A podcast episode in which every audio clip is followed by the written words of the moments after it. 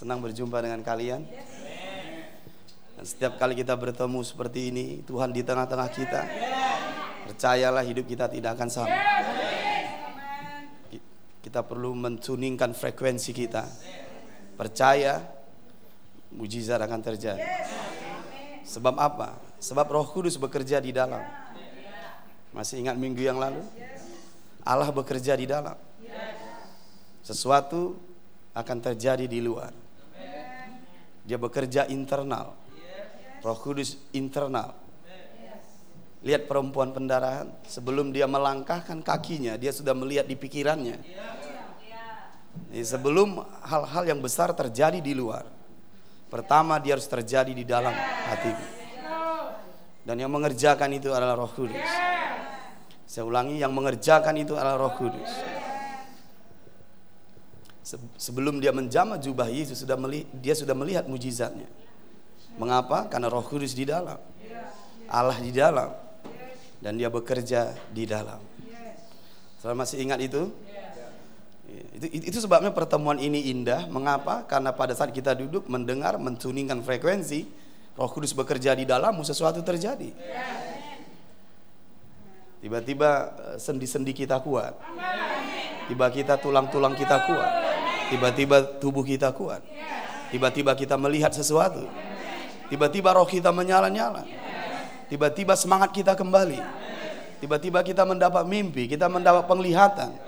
Tiba-tiba aliran darah kita segar. Tiba-tiba kita seperti 20 tahunan padahal kita 60 tahunan. Mengapa? Karena tubuh kita segar. Dari mana saya tahu? Roma 8 berkata, jika roh dia yang membangkitkan Yesus dari antara orang mati berdiam dalam tubuhmu, dia akan menghidupkan tubuhmu yang fana. Jadi oleh oleh karena Roh Kudus di dalam kita bekerja, tubuh kita pun bisa dibaharui, disegarkan. Bisa paham? Coba bayangkan bagaimana Sarah bisa mengandung usianya 90 tahun. Bagaimana Sarah yang mati haid bisa mengandung? Usianya 90 tahun. Karena Roh Kudus di dalammu bisa membuat tubuhmu muda kembali. Roh Kudus di dalammu itu bisa membuat tubuhmu muda kembali. Karena dia akan menghidupkan, membangkitkan, menyegarkan tubuhmu yang fana. Roma 8:11. Tidak mungkin, tapi mungkin bagi dia. Bisa mengerti? Elizabeth berkata bahwa tidak ada yang mustahil bagi Tuhan. Berbahagialah mereka yang percaya sebab apa yang dikatakan Tuhan padanya akan terlaksana. Ini bukan masalah kita, tapi Roh Kudus yang bekerja. Bisa mengerti? Dan Roh Kudus itu tidak di luar, tapi di dalammu. Pada saat kita mengerti kebenaran ini, sesuatu yang besar akan terjadi dalam dirimu, karena mujizat itu ternyata tidak jauh darimu, tapi di dalammu. Dan kita harus tahu bagaimana mengaktifkannya, supaya setiap hari adalah terobosan. Karena kehidupan itu pertumbuhan, kehidupan itu perubahan. Kalau kita stagnan, kita monoton, hidup itu tidak memiliki semangat. Tapi roh di dalam dirimu akan selalu membuatmu semangat. Karena dia selalu memberikan harapan. Bisa mengerti? Penglihatan masa depan. Karena roh kudus itu tidak jauh, dia ada di dalam. Dan itu kita uh, dengarkan minggu yang lalu. Mari kita kembali dulu ke minggu lalu Filipi pasal yang kedua. Filipi pasal yang kedua sudah melakukan nasihat saya minggu lalu. Tetap dalam firmanku. Bisa mengerti? Maka engkau adalah muridku. Dan berikutnya kita akan mengetahui kebenaran dan kebenaran itu akan memerdekakan, akan menyembuhkan, akan memulihkan, akan memberkati, akan melimpahi. Bisa paham? Karena kebenaran itu disertai kuasa. Jadi firman itu betul, firman Allah. Memang betul dia firman Allah tapi dia ditulis sampai itu menjadi hidup. Kuasanya baru terlihat. Makanya jangan heran orang menghafal firman belum tentu hidupnya berubah. Karena yang menghidupkan firman itu adalah Roh Kudus. Itu sebabnya dia namanya Roh kebenaran. Tanpa Roh Kudus tidak ada kebenaran. Dialah Roh kebenaran. Pada saat kita dipenuhi oleh Roh Kudus, kita dipenuhi Roh kebenaran. Pada saat kita membaca firman, Roh kebenaran akan menginspirasi firman itu menjadi hidup. Tapi ingat, harus tetap. Harus konsisten. Seperti seorang murid, belajar, belajar dan belajar. Demikian juga kita sebagai murid Tuhan, kita harus belajar, belajar, belajar. Tiba-tiba kita mengenal, eh, sorry, tiba-tiba kita mengetahui kebenaran. Pikiran kita dicerahkan. Pengertian kita dicerahkan. Dan dan dan kita berkata, "Oh iya. Oh iya, setiap hari begitu coba." Setiap hari kita begitu. Apa kata Tuhan? Berbahagialah mereka yang merenungkan Taurat Tuhan siang dan malam. Ya seumpama pohon yang ditanam di tepi aliran air. Bisa mengerti? Apa saja yang diperbuatnya berhasil. Kadang kita suka me, me, menghafal apa saja yang diperbuatnya berhasil, tapi tidak suka merenungkan Taurat itu siang dan malam.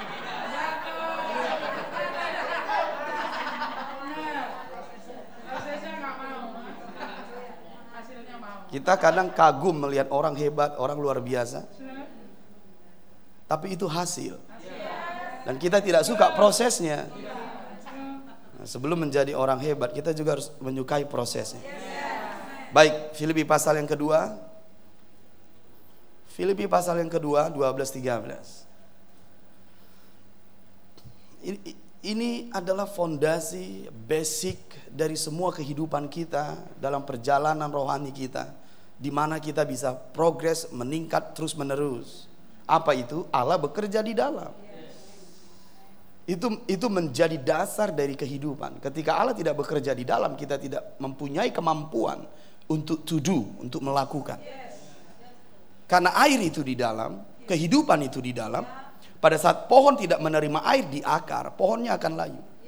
Yang kelihatan akan layu. Demikian juga kita di dalam tidak mengalami kehidupan, maka yang kelihatan juga layu. Pekerjaan kita layu, orang melihat kita layu. Tapi kalau seandainya akar itu menyerap air, seperti hatimu menyerap kehidupan Tuhan, karena Tuhan bekerja di dalam, kau akan hidup. Kau akan segar, kau akan muda. Kau akan dilihat orang menari. Hijau daunnya, lebat daunnya. Bisa paham maksud saya? Jadi Allah bekerja di dalam itu adalah basic dari kehidupan rohani orang percaya. Tidak ada ke, Allah bekerja di dalam, tidak ada kehidupan di luar. Bisa mengerti? Dan mari kita ikutin Eh, kebenaran ini untuk kita bisa melangkah lebih dalam karena saya akan mengajari kita di sini bagaimana mengaktifkan Roh Kudus di dalam, bermitra dengan Roh Kudus di luar dan hidup dalam kemenangan tiap-tiap hari. Itu sebabnya catat, kemudian renungkan, sharekan supaya kita mengerti. Karena hanya yang mengerti yang berbuat 30, 60, 100 kali. Benih ditabur di pinggir jalan, benih ditabur di tanah yang berbatu, benih ditabur di tanah yang bersemak. Tapi benih yang ditabur di tanah yang gembur subur yang tumbuh. Lalu mereka bertanya apa maksudnya Tuhan? Mereka yang mengerti.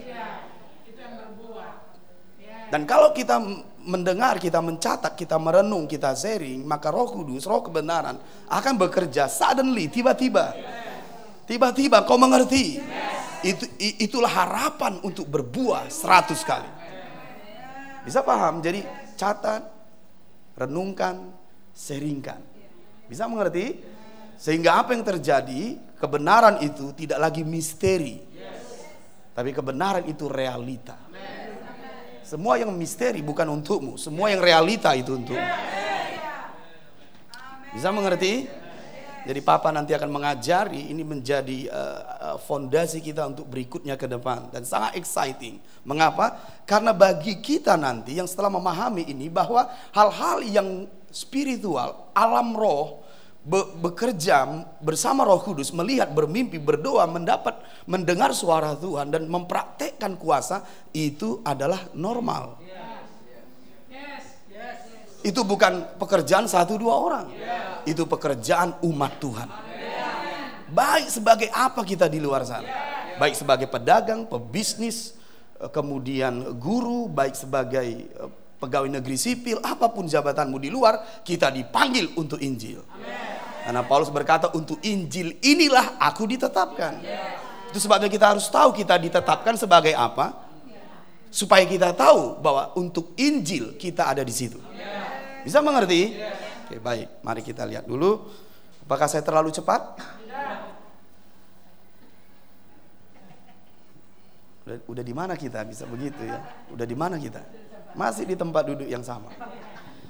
Filipi pasal yang kedua 12-13 Mari ikuti Papa supaya kita bisa mengikuti alirannya Sangat indah Sangat indah sekali Ayat 12 Hai saudara-saudaraku yang kekasih Kamu senantiasa taat. Karena itu tetaplah kerjakan keselamatanmu Dengan takut dan gentar. Bukan saja seperti waktu aku masih hadir Tapi terlebih pula sekarang. Waktu aku tidak hadir. Karena lihat Allah yang mengerjakan di dalam kamu. Allah yang mengerjakan di dalam kamu semua yang ayat 12 tadi itu menjadi dapat kita hidupi. Karena Allah yang mengerjakan di dalam kamu baik kemauan maupun pekerjaan menurut kerelaannya. Allah yang mengerjakan itu tanpa dia mengerjakan. Di situ disebut di dalammu bukan di luarmu. Sehingga kita mulai memfokuskan kehidupan kita di dalam hidupmu, yaitu di hatimu, yaitu di rohmu. Pertama sekali yang Tuhan pulihkan dalam hidup kita ketika kita jatuh dalam dosa adalah kita menjadi ciptaan yang baru. Dan ciptaan yang baru, yang baru itu rohmu. Dan roh kita itu segambar dan serupa dengan Yesus Kristus. Kita memiliki benih yang sama dengan Yesus Kristus. Itu sebabnya rohmu yang baru sering disebut di Alkitab roh Kristus. Nah, ketika Roh Kristus ada di dalam dirimu dan itulah dirimu sebagai ciptaan yang baru, Roh Kudus datang berdiam. Karena Roh Kudus tidak bisa berdiam di ciptaan yang lain. Dia hanya berdiam pada mereka yang memiliki Roh Kristus. Itu sebabnya Roh Kristus berdiam tidak bagi semua orang, termasuk juga dia Kristen. Yes. Tapi dia harus memiliki Roh Kristus. Apa maksudnya Roh Kristus? Rohku diciptakan segambar dan serupa dengan Yesus Kristus. Itu sebabnya ketika roh Kristus ini semakin dewasa, kita akan segambar dan serupa dengan Yesus Kristus. Bisa paham maksud saya? Nah, ketika kita memiliki roh Kristus, roh kudus berdiam. Ketika roh kudus berdiam, itu menjadi start awal dari Allah bekerja di dalammu. Dia tidak lagi di luarmu. Itu sebabnya kita tidak melihat hal-hal yang eksternal supaya Allah bekerja di dalam. Tidak. Dia sudah di dalam, dia sudah diam. Bisa mengerti maksud saya? Nah, pada saat Allah bekerja di dalammu, semua buah-buah rohani akan mulai muncul. Karena kehidupan itu adalah di dalam roh Kristus di dalam dirimu. Coba kita lihat dulu Roma pasal yang ke-8. Roma pasal yang ke-8, indah sekali firman ini kalau kita menyadarinya menjadi ciptaan yang baru lebih dari apa pun. Roma 8 ayat yang ke-9 perhatikan baik-baik. Sudah siap? Roma 8 9. Siapkah semuanya? Oke, lihat di situ. Tetapi kamu tidak hidup dalam daging melainkan dalam roh. Jika memang roh Allah diam di dalam kamu. Roh Allah diam di dalam kamu. Tetapi jika orang tidak memiliki roh Kristus, ini bukan Yesus. Roh Kristus ini artinya rohmu yang baru. Ia bukan milik Kristus.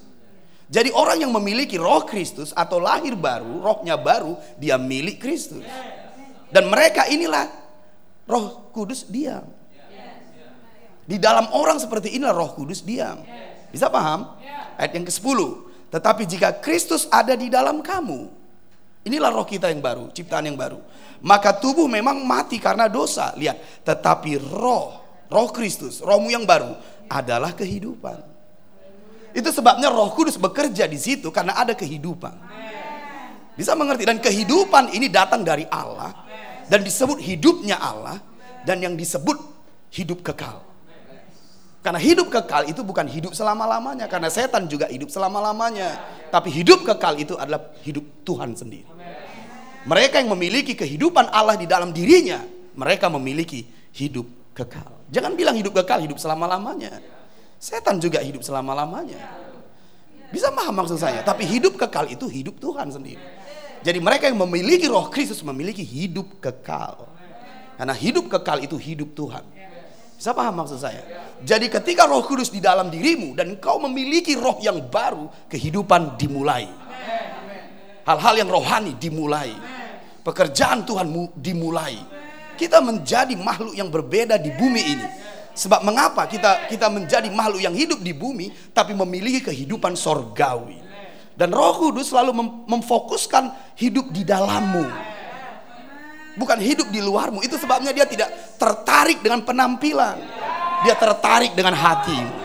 Mata Tuhan menjelajah seluruh bumi untuk mencari orang yang bersungguh hati. Karena mata Tuhan selalu melihat hati. Karena di situlah kehidupan itu. Bisa paham maksud saya? Jadi kalau Allah bekerja di dalammu, dia sedang mengerjakan kehidupan. Dan kehidupan itu dari sorga. Bisa paham maksud saya? Ada hal-hal yang sangat besar akan terjadi dalam diri orang-orang percaya kalau dia mengizinkan Roh Kudus bekerja sebebas-bebasnya di hatimu, di pikiranmu, di emosimu, bahkan di tubuhmu. Dan itu yang akan kita lalui minggu-minggu ke depan. Apakah kita siap semuanya? Siap semuanya? Katakan kanan kiri, ini perjalanan rohani yang luar biasa. Ayo ikuti alirannya. Tuningkan frekuensimu dan pastikan fokusmu on ke depan. Jangan on ke depan tapi tembus pandang. Tembus pandang sampai ke awan-awan. Ayat yang ke-13, karena Allah yang mengerjakan di dalam kamu. Luar biasa bukan? Allah di dalammu. Jadi sekarang Roh Kudus di mana? Di dalammu. Allah di mana? Di dalammu. Bisa mengerti? Bukankah ini indah? Oke, baik. Jadi jika Allah bekerja di dalammu itu minggu yang lalu, maka yang pertama, ia akan mengerjakan kehendaknya dan pekerjaannya di dalammu. Itu ayat ke-13. Jadi kalau Allah bekerja di dalammu, di dalam hatimu, di dalam rohmu, yang pertama yang ia kerjakan di situ adalah ia menyelaraskan kehendaknya itu, pekerjaannya itu di dalam hatimu. Dia mengerjakan itu di dalam hatimu. Sehingga ketika kita hidup hari lepas hari, kita tidak lagi mengerjakan kehendak kita. Bisa paham? Ke, yang kita lakukan adalah kehendaknya, yang kita lakukan adalah tujuannya, yang kita lakukan adalah pekerjaannya. Itu sebabnya ini tidak bisa dipaksakan, dibuat-buat, karena memang ini pekerjaan Allah di dalammu. Kita tidak lagi hidup egois, kita tidak lagi hidup mementingkan diri sendiri, kita tahu tujuan kita karena hati kita diubahkannya. Keinginan kita diubahkan, kerinduan kita diubahkan, kehendak kita diubahkan. Mengapa bisa diubahkan? Karena dia di dalammu. Mengapa hatiku berubah? Yes, karena Allah di dalammu. Mengapa keinginanku berubah? Yes, karena dia di dalammu. Mengapa sifatku berubah? Ya, karena dia di dalammu. Mengapa gaya hidupku? Mengapa caraku bekerja? Mengapa aku menjadi lebih rajin? Mengapa aku jadi lebih produktif, lebih kreatif? Mengapa hatiku bisa jadi rindu untuk berdoa, berdoa syafaat? Why? Mengapa semuanya? Karena Allah yang mengerjakan di dalam dirimu yang pertama adalah kehendaknya dan pekerjaannya. Bukankah ini indah? Ini tidak terjadi eksternal di luar dirimu, dia terjadi di dalammu. Sebab dari dalam hatimu akan mengalir aliran air kehidupan. Di dalam hatimu. Bisa mengerti maksud saya? Jadi apa yang pertama Tuhan kerjakan? Kehendaknya, pekerjaannya dalam dirimu. Jadi apa pun yang kita lakukan dalam perjalanan rohani kita, baik apa pun panggilan kita di marketplace, kita hanya melakukan kehendaknya. Kita hanya melakukan pekerjaannya. Sama seperti Yesus berkata, makananku ialah melakukan kehendaknya dan menyelesaikan pekerjaan. Bagaimana kita bisa hidup seperti Yesus? Sederhana, Roh Kudus diam di dalam dirimu. Dia akan mengerjakan itu dalam dirimu. Itu supaya jangan frustasi. Kenapa aku tidak seperti papa? Kenapa aku tidak seperti hamba Tuhan sana? Begitu passion, begitu menyala-nyala rohnya. Sadap, biarkan Roh Kudus bekerja di dalam.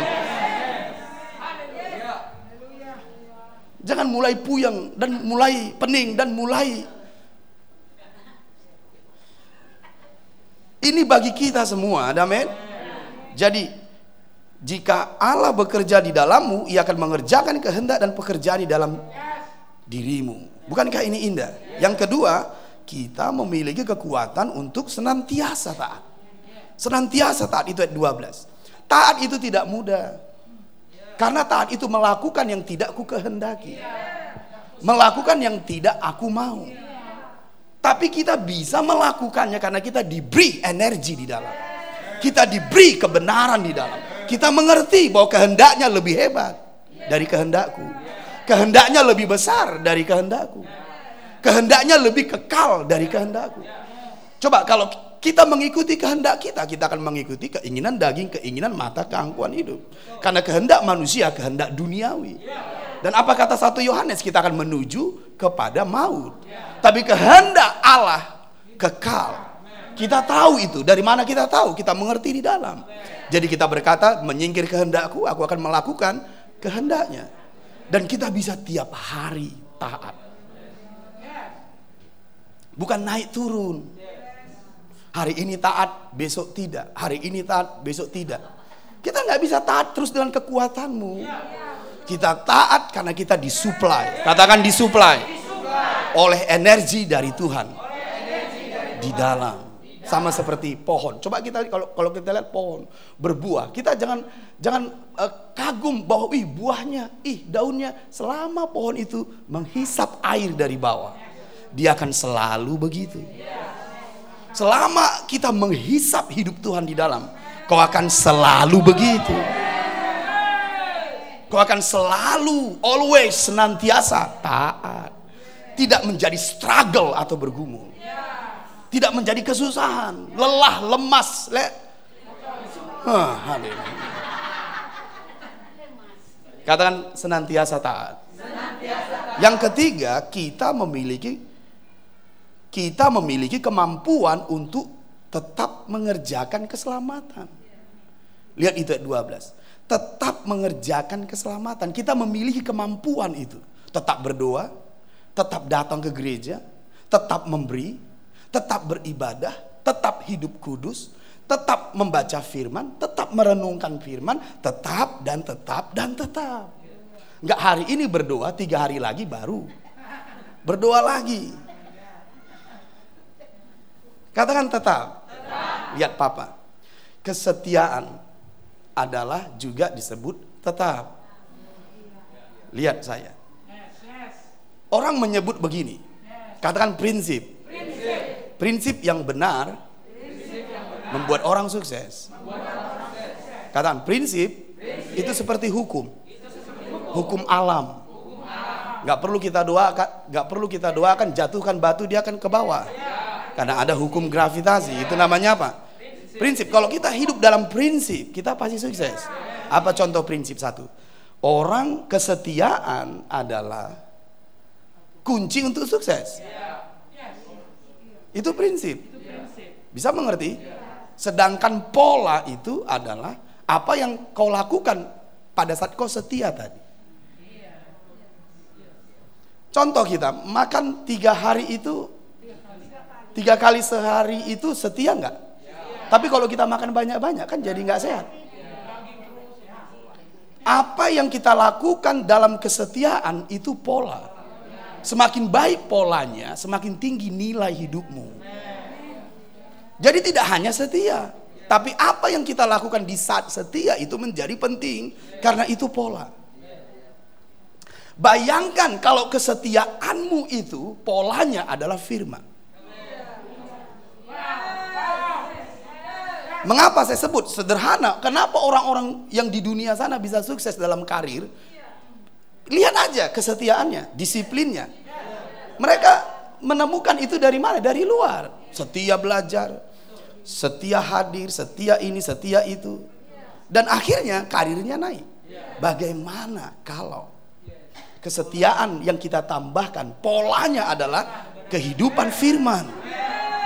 Itu sebabnya apa yang dikatakan Mazmur 1 ayat 1 sampai 3, orang yang merenungkan Taurat Tuhan siang dan malam. Siang dan malam itu kesetiaan. Siang dan malam itu tetap. Nah, kalau dalam kesetiaan itu dia tak dia lakukan merenungkan Karena itu adalah firman. Lihat, apa saja yang diperbuat. Apa saja yang diperbuat. Karena semakin tinggi pola yang kita lakukan dalam kesetiaan, kau akan makin tinggi nilainya. Bagaimana kalau yang tertinggi yang kita lakukan? Karena tidak ada yang lebih tinggi dari firman Engkau akan ada di atas rata-rata dalam hidupmu. Jadi bayangkan kalau Allah mengerjakan di dalammu dan memberikanmu kemampuan untuk tetap. Bayangkan saja. Untuk tetap aja banyak orang gagal loh. Untuk setia saja banyak orang gagal. Tapi puji Tuhan, Allah di dalammu memberikanmu kemampuan untuk setia. Dan bagaimana dalam kesetiaan itu kita melakukan pekerjaan dan keselamatan yang diberikan Tuhan. Bagaimana hasilnya? Bisa paham maksud saya? Firman berkata berdoalah senantiasa kita lakukan. Firman Tuhan berkata sembahlah Tuhan serahkan segala kekhawatiranmu kita lakukan dan kita bernubuatlah. Lihat Yehezkel bernubuat di lembah, tulang-tulang menjadi hidup. Dan kita lakukan semua apa yang dikatakan firman dalam kesetiaan.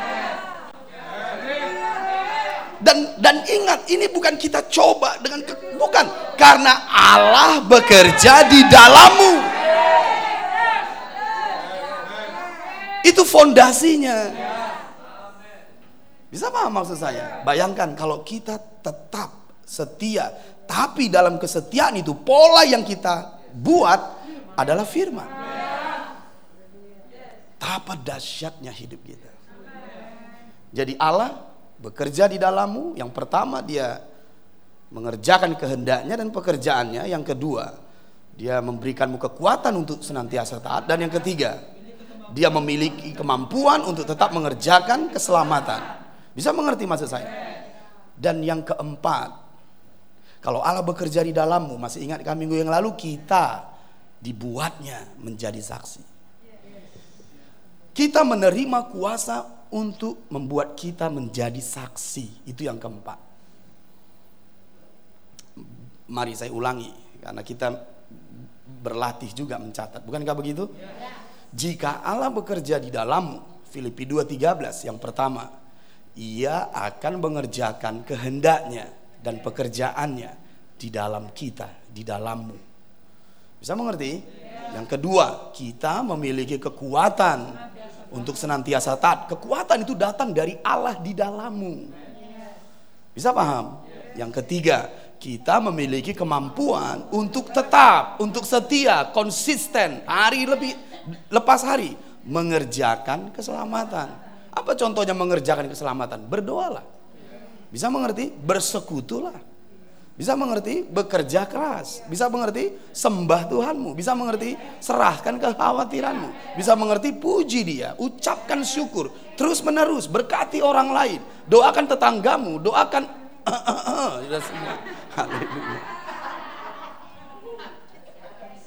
Dan kita bisa tiap-tiap hari. Dan kita bisa tiap-tiap hari. Bisa mengerti? Mengapa ini bisa terjadi? Dia memberikanmu kemampuan, bukan kemampuanmu tapi kemampuannya. Bukankah ini indah? Yang keempat, kita menerima kuasa untuk membuat kita menjadi saksi. Mari kita buka kisah satu yang ke-8. Kisah satu yang ke-8. Tetapi kamu akan menerima kuasa. Kuasa ini bahasa Yunaninya dunamos. Oke, kalau Roh Kudus turun ke atas kamu, ini kita ter, kita terjemahkan minggu yang lalu, ditinggal di dalammu. Jadi di Filipi tadi Allah bekerja di dalammu itu adalah Roh Kudus di dalammu. Roh Kudus yang diam di dalammu. Bisa paham maksud saya? Tetapi kamu akan menerima kuasa kalau Roh Kudus tinggal di dalammu. Dan lihat, dan kamu akan menjadi saksiku. Katakan menjadi. Menjadi. Semua yang menjadi itu adalah proses. Bisa mengerti? Allah menciptakan langit dan bumi tidak ada proses. Tapi dia menjadikan manusia dari debu tanah itu proses. Mari ikutlah aku dan kamu akan kujadikan itu proses. Bagaimana kita bisa menjadi tanpa proses? Tidak mungkin. Tapi ayat ini berkata kita menjadi oleh proses dari Roh Kudus di dalammu. Karena itu juga proses. Coba lihat orang-orang di luar. Bagaimana caranya membentuk seseorang. Dia di training. Dia diberi pengetahuan. Dia dilatih apa yang terjadi besoknya? Dia menjadi lebih baik. Ada proses. Tapi cara Allah bukan eksternal. Cara Allah itu internal. Ketika roh kudus memenuhi, lihat di, loteng-loteng. Bagaimana Petrus setelah penuh dengan roh, dia begitu berani. What happened? Apa yang terjadi? Apakah dia disuntik? oleh sebuah zat kimia yang membuat dia menjadi kehilangan akal, lalu kemudian dia mulai berani? Tidak. Roh Kudus memenuhinya. Dan apa yang terjadi? Roh Kudus di dalamnya. Dan apa yang terjadi? Api Tuhan membakar semua yang lama dan memunculkan yang baru.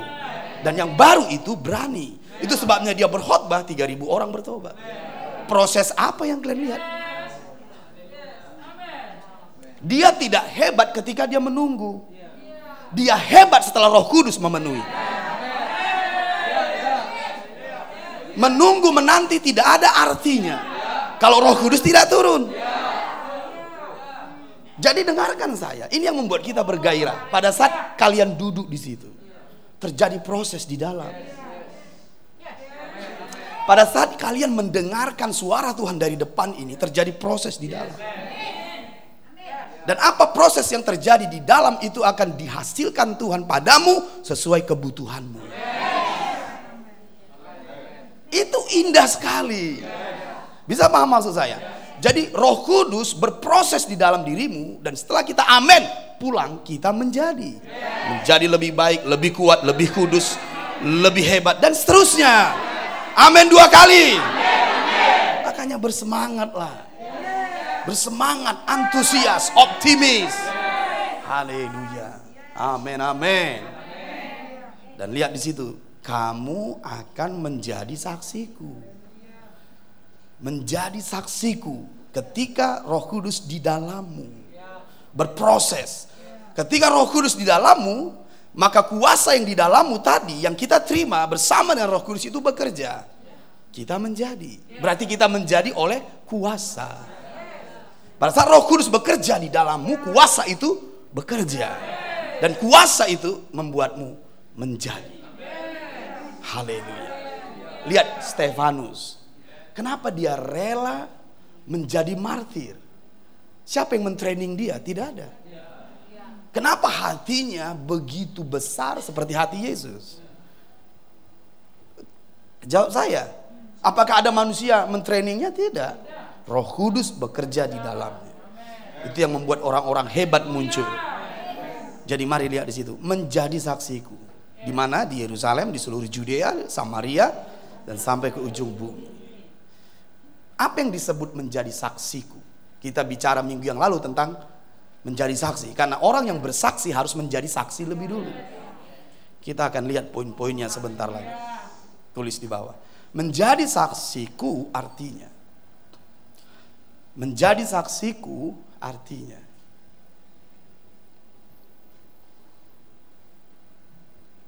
Bisa paham? Roh Kudus membuatmu menjadi saksi. Roh Kudus menjadikanmu saksi. Pada saat kita menjadi saksi, kita memiliki legal untuk bersaksi. Makanya sorga akan membackup.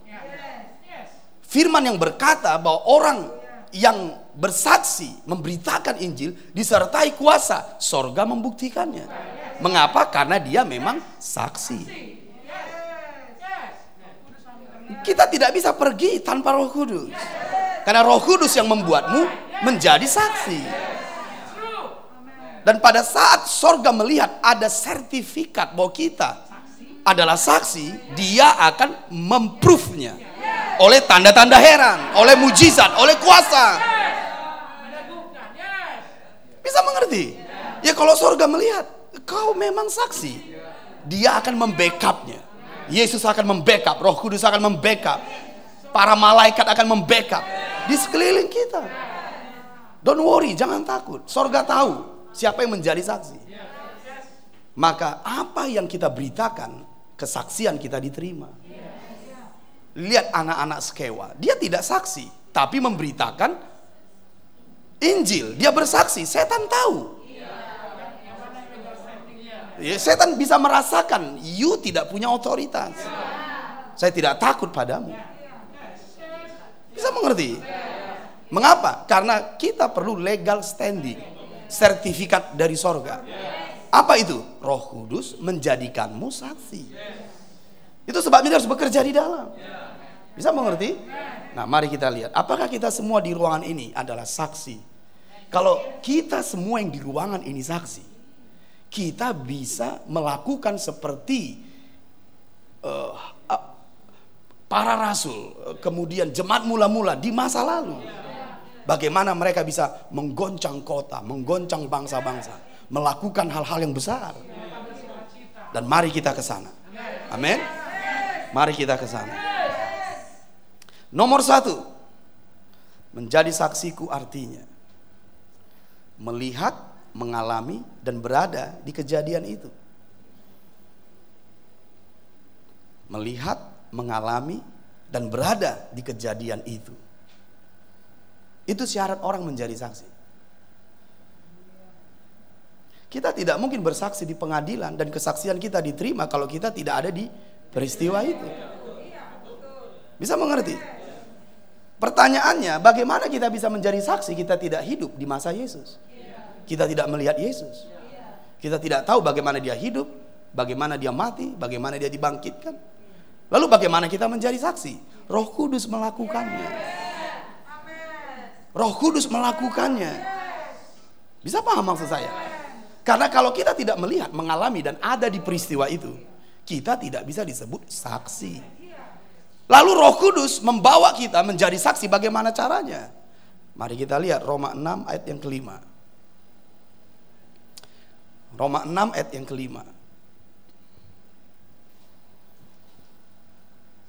Roma 6 ayat yang kelima. Bisa mengikuti saya? Apakah sudah mulai gelisah? Oke, baik. Amin. Amin, amin, amin. Roma 10, 17. Kita sedikit uh, istirahat dulu dari perjalanan ini dengan ngaso dulu. Tapi ngasonya adalah sebuah renungan. Coba dengarkan saya. Roma 10 17 apa isinya? Jadi iman timbul dari Berapa banyak kita mendengar firman Kristus tapi iman tidak timbul? Kenapa? Jawab saya. Tiap hari kita bisa mendengar firman. Di YouTube, di internet, dari orang-orang kita bisa mendengar firman. Tapi kenapa iman tidak timbul? Apakah firman itu salah? Tidak. Karena di situ disebut begini. Jadi iman timbul dari pendengaran kalau engkau mengerti. Kuncinya di situ adalah mengerti. Makanya di Matius pasal 13 itu diceritakan kenapa mereka tidak berbuah karena mereka tidak mengerti. Karena itu sebenarnya bercerita tentang iman. Jadi kalau kita mengerti, mendengar firman dan mengerti, imanmu bangkit. Makanya perlu untuk mengikuti saya. Jangan berhenti di jalan karena kecapean. Ingat, Roh Kudus bekerja di dalam. Kalau ketinggalan karena tulisan kita mungkin agak slow down, slow motion, lihat kanan, lihat kiri kan di sekolah kita juga belajar lihat kanan, lihat kiri kan. Sorry, sorry. Saya sering melihat kalau ujian lihat kanan lihat kiri. Jadi kita terlatih di situ. Amin. Yang penting catatanmu berisi. Di sini diperbolehkan menyontek. Diperbolehkan. Karena kalau kita nggak mengerti apa yang kita bawa. Alkitab yang besar-besar kita baca nggak mengerti, nothing happen. Jadi karena ini penting, ayo mengerti. Oke. Jadi ikuti papa. Karena saya tahu saya cepat. Saya tulis, dengar, ambil MP3-nya, dengar lagi. Begitu kita mengerti, kita akan melompat. Kita akan roh kita akan bergejolak. Amin. Oke, baik. Mari kita lanjutkan. Jadi Roh Kudus akan membawa kita menjadi saksi. Bagaimana caranya? Bagaimana kita melihat Yesus, mengalami Yesus, berada di peristiwa Yesus. Roma 6 ayat 5. Perhatikan di situ. Sebab sudah sampai? Sebab jika kita telah bukan akan loh. Kita telah menjadi satu. Dengan apa yang sama dengan kematiannya. Kita juga akan menjadi satu dengan apa yang sama dengan kebangkitannya. Jadi oleh Roh Kudus kita sudah ada di dalam Yesus 2000 tahun yang lalu. Jadi waktu Yesus hidup kita sudah di dalamnya. Waktu Yesus mati kita sudah di dalamnya. Waktu Yesus dikubur kita sudah di dalamnya. Waktu Yesus turun ke jurang maut mengambil kunci kerajaan maut kita sudah di dalamnya. Waktu Yesus bangkit kita sudah di dalamnya. Waktu dia duduk di sebelah kanan Allah kita sudah di dalamnya. Itulah sebabnya kau boleh menjadi saksi. Karena kau ada di dalamnya. Itulah sebabnya apa saja peristiwa tentang Yesus yang kita secara lahiriah tidak di sana, kenapa kau percaya? Karena kau pernah hidup di sana. Yesus berkata, Lazarus bangkit. Kenapa kau percaya? Kau enggak di situ. Kita akan berkata amin, padahal enggak di situ kita. Apa yang membuat itu? Roh Kudus. Ketika Yesus berjalan di atas air kita percaya. Aku percaya Yesus berjalan di atas air. Kau tidak di situ. Roh Kudus membawamu mengalami di peristiwa itu. Sehingga waktu itu ditulis, ah aku percaya. Ah aku percaya. Bayangkan bahwa kalau kita percaya pada Yesus, kita mati bersama Yesus di kayu salib. Kapan kau di kayu salib? Tapi kita percaya bahwa kita sudah mati terhadap dosa-dosa kita. Siapa yang membuat ini? Roh Kudus. Pada saat Roh Kudus membawamu menjadi satu dengan Yesus, engkau layak menjadi saksi. Karena yang disebut saksi dia mengalami, dia ada di peristiwa itu. Beri tepuk tangan buat Tuhan. Haleluya! Haleluya!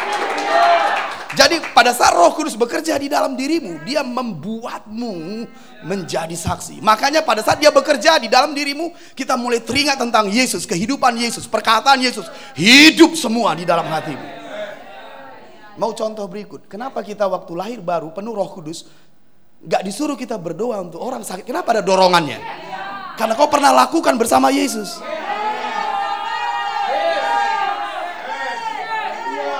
Kenapa Kenapa kita ketika kita melihat orang meninggal pengen ingin membangkitkan karena kau pernah bersama Yesus. Walaupun gak bangkit-bangkit.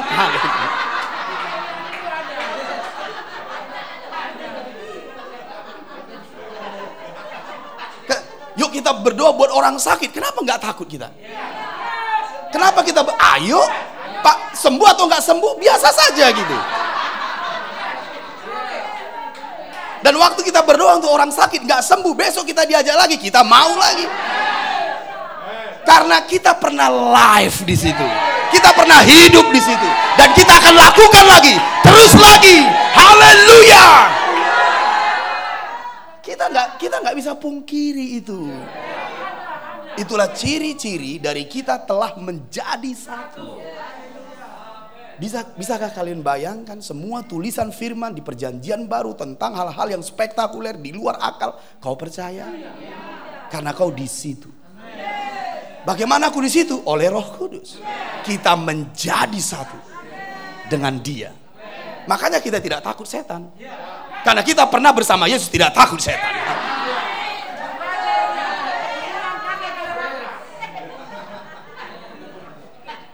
Baik, nomor dua.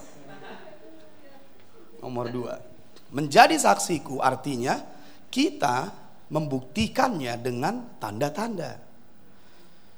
Kita membuktikannya dengan tanda-tanda.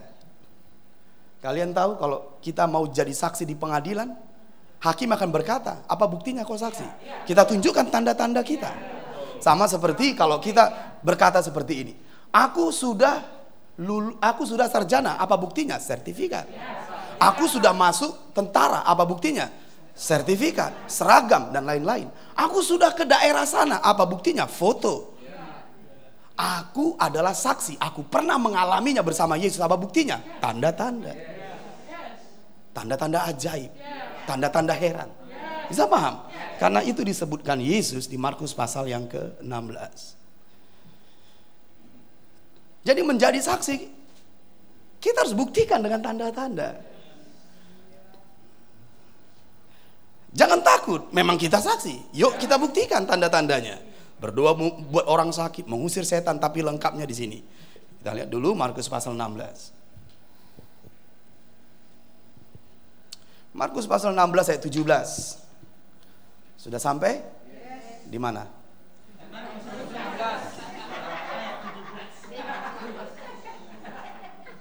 Saya, saya, saya coba mengikuti apakah masih fokus. Markus 16, 17. Tanda-tanda ini akan menyertai orang-orang yang percaya. Tanda-tanda ini akan menyertai saksi. Karena orang-orang percaya itu saksi. Apa tanda yang pertama? Lihat, mereka akan mengusir setan-setan. Jadi kalau kita saksi, saksi Kristus bagi dunia ini, kehidupan kita yang mengusir setan-setan itu adalah tandanya. Mengusir setan di pekerjaan roh-roh jahat di kota, dalam hidup seseorang, di hidup kita, kita ekspresikan. Jangan heran di masa perjanjian baru, Yesus berhadapan dengan roh-roh jahat dan mengusirnya. Jemaat mula-mula juga seperti itu. Mereka berhadapan dengan roh-roh jahat, mereka mengusirnya. Dan kita juga bisa membuktikan tanda-tanda itu dengan mengusir roh-roh jahat dalam diri seseorang. Bisa paham? dalam doa kita. Ketika kita merasakan pekerjaan roh-roh jahat di sebuah ruangan, di sebuah kota, di dalam diri seseorang. Roh Kudus dalam diri kita memberi kita kemampuan untuk membedakan pekerjaan roh-roh jahat di situ dan kita mulai berkata demi nama Yesus menyingkir. Dan apa yang terjadi? Orang-orang dibebaskan, orang-orang merasa di, di, dimerdekakan. Inilah bukti yang disebut tanda tadi. Kita bukan diam terhadap pekerjaan setan. Ah, biarkan aja lama-lama setannya perginya itu. Enggak. Itu bukan tanda orang percaya. Uh, dia dia kesurupan. Uh, dia di, di, diganggu roh jahat. Uh, dia dipenuhi dengan kutu. Lalu kita lari. Itu bukan pekerjaanku. Ini level, level yang tinggi. Bukan ada level yang tinggi. Kita harus buktikan. Katakan buktikan. buktikan. Dengan tanda-tanda. Yang pertama di situ mengusir setan-setan. Saya mau bertanya, udah berapa lama kita? Terakhir kali mengusir setan. Bapak kalau saya hitung 20 tahun yang lalu, oh my God. Berarti apa yang terjadi? Jawab sendiri. Mereka akan mengusir setan-setan, itu tandanya, oke? Okay? Demi namaku, mereka akan berbicara dalam bahasa-bahasa yang baru. Apa ini maksudnya bahasa-bahasa yang baru ini? Bahasa roh kudus. Bahasa rohmu. Bahasa ciptaan yang baru. Itu disebut semuanya bahasa-bahasa yang baru. Bahasa Roh Kudus, apa itu? Mimpi, penglihatan, nubuatan. Itu semua bahasa Roh Kudus. Orang yang percaya akan mengalami mimpi, orang yang percaya akan mengalami penglihatan, orang akan mulai bernubuat. Ini disebut bahasa Roh Kudus. Bisa mengerti? Yang berikut bahasa-bahasa kita yang baru apa? Bahasa roh. Itulah yang sering kita praktekkan. Roh Kudus memberikanmu bahasa roh. Apalagi bahasa yang berikut, ciptaan yang baru. Apa bahasa ciptaan yang baru? Bahasa-bahasa yang sesuai dengan firman. Makanya kita orang percaya jangan bahasa seperti orang dunia. Itu bukan bahasa ciptaan yang baru. Oh, udah sampai di situ diam kita. Kenapa kita bahasanya seperti orang dunia? Nggak boleh dong, kita ciptaan yang baru. Bahasa kita harus berbau sorga. Apa itu? Membangun, bernubuat, mendorong, memberi motivasi, membangkitkan. Begitu bernubuat, itu semua bahasa ciptaan yang baru. Berbahasalah dengan ramah. Satu dengan yang lain. Bisa mengerti? Bermasmur, bernyanyi, memuji. Itu semua bahasa ciptaan yang baru. Jangan kita keluarkan bahasa-bahasa yang lama. Bahasa-bahasa yang baru, bahasa roh saja enggak. Bahasa ciptaan yang baru pun kita harus belajar. Makanya ketika kita berkata satu dan yang lain begitu ketemu, shalom. Ah, itu bahasa yang ciptaan baru. Haleluya. Apa kabar? Buru. Doakan.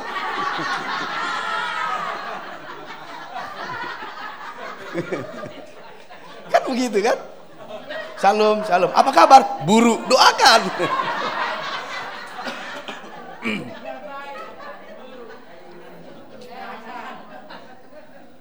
Jangan pakai bahasa yang lama, apa kabar? Buruk, baguslah. Nah, itu bahasa yang bahasa yang lama. Jangan, Saudara, doakan. Haleluya. Katakan di kanan kiri kita harus belajar memakai bahasa ciptaan yang baru. Saya heran, confused, bingung saya. Ada orang yang udah lama kali bertobat. Sorry kalau Papa harus koreksi. Bahasa kita masih seperti yang lama. Pedas, tajam, Boleh kan papa mengkoreksi ya?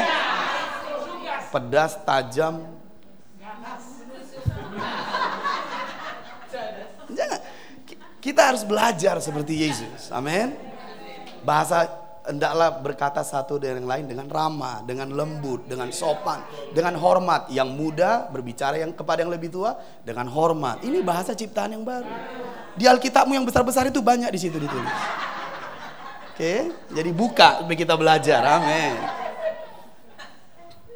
Saya kalau baca baca tulisan Paulus dengan dengan saya, saya baca tulisan para rasul.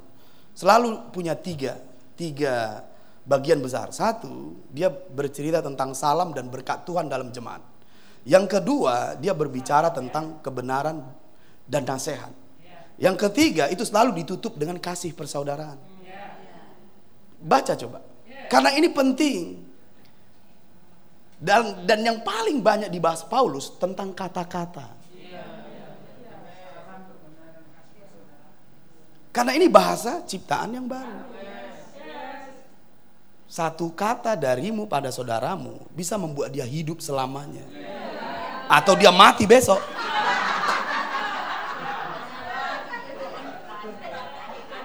Nah, boleh. Siapa sini ciptaan yang baru angkat tangan?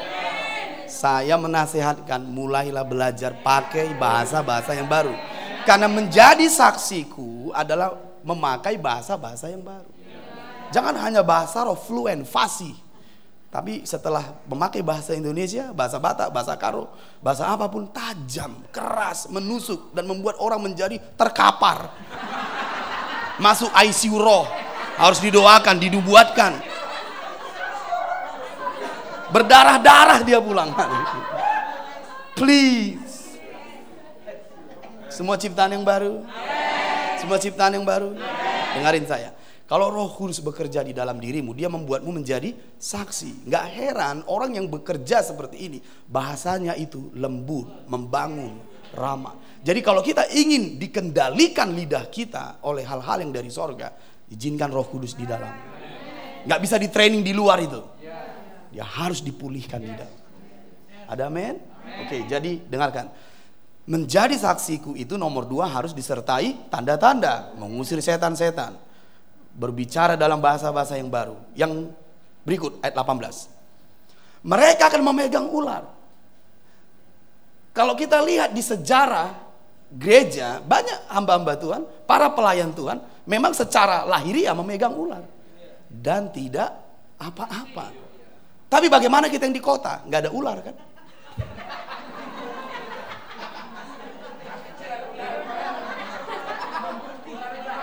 Atau kita mau pegang ular supaya menjadi saksi? Hati-hati, saudara. Jadi apa maksudnya ini bagi kita supaya relevan? Memegang itu, dengarin, memegang itu bisa diartikan menahan, membelenggu, mengikat. Jadi Orang yang percaya tanda-tandanya itu menahan, memegang, mengikat semua pekerjaan setan yang di, di, di, dianalogikan ular di atas kotamu, di hidupmu, di keluargamu. Karena ular selalu ingin merusak, menipu daya. Ketika kita berkata demi nama Yesus, korupsi di kota kami dibongkar. Ini orang-orang yang memegang ular. Semua mafia kejahatan, ini dan itu, pornografi, prostitusi, perselingkuhan, dan dosa-dosa yang lain, kekerasan, premanisme. Demi nama Yesus aku menahanmu. Ini artinya memegang ular. Setiap eh, rencana-rencana uh, busuk di di apa di orang-orang di kota kami untuk menghancurkan kota ini, aku hentikan. Itu disebut juga memegang ular. Bisa mengerti ini tanda orang percaya. Hey, come on. Kita berkata kepada keluarga kita, demi nama Yesus engkau tidak boleh masuk di keluargaku. Aku membentengi keluargaku oleh darah Yesus. Karena darah Yesus itu dia melindungi. Tidak saja menyucikan, dia melindungi. Tidak saja melindungi, dia menyerang juga. Karena darah Kristus lebih besar suaranya dari darah Habel. Dia menyerang juga. Itulah darah Yesus. Jadi ini harus kita praktekkan dalam hidup kita. Sudah berapa lama kita tidak mempraktekkan kuasa darah Yesus? Coba cek. Tanda orang percaya ya seperti itu. Usir setan-setan. Hancurkan pekerjaan dan siasat ular. Amin. Ubah bahasamu menjadi bahasa ciptaan yang baru. Dan dengarkan saya, pegang ular. Hentikan kejahatan di kotamu. Hentikan tipu daya setan di keluargamu di hidupmu. Hancurkan semua korupsi, kekerasan, premanisme di kota kita. Eh, come on. Karena ini bukan berbicara lahir ya kita cari-cari ular lalu kita pegang. Pergi ke kebun binatang, oh aku mau menjadi saksi kita pegang ularnya. Kita akan kita akan pulang dengan tren kita akan pulang dengan keranda mayat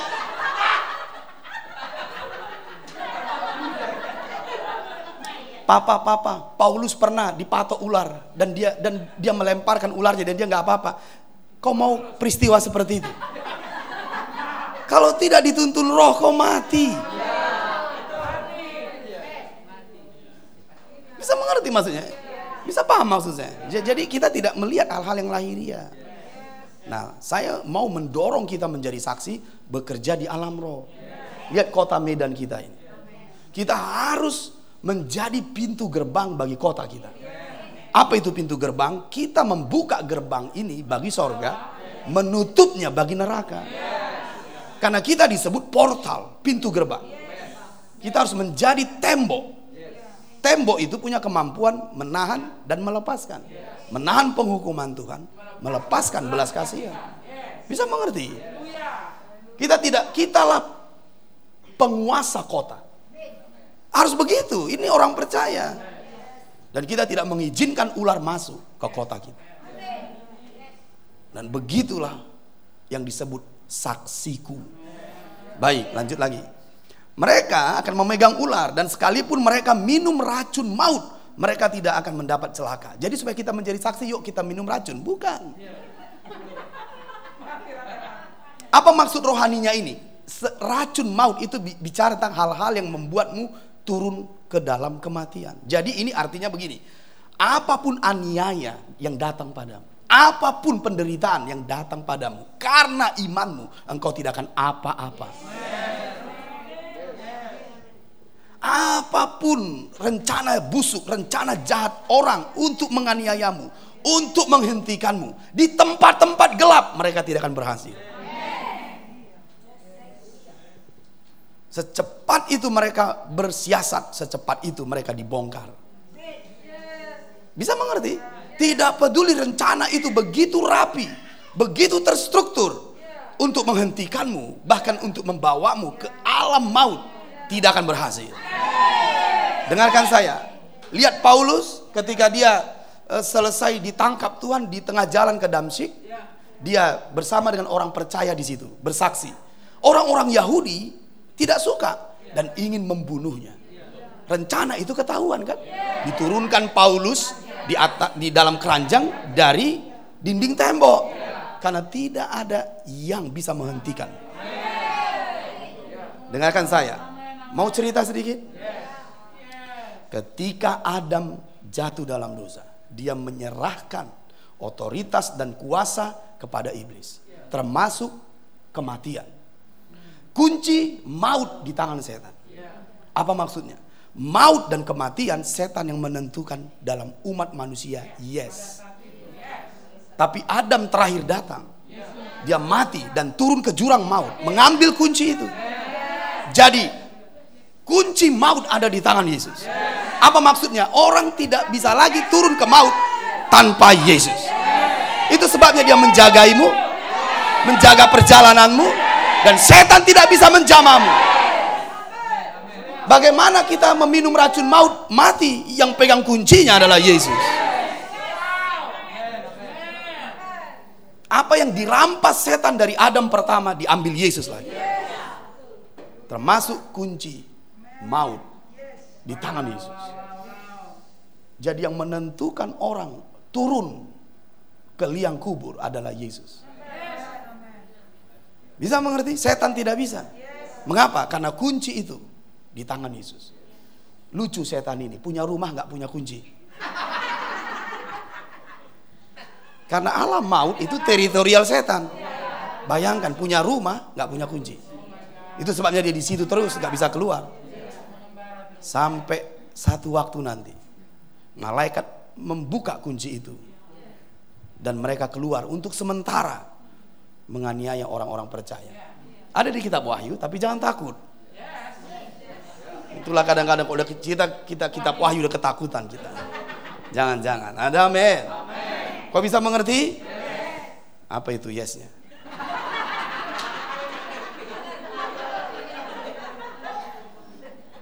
Mereka akan memegang ular.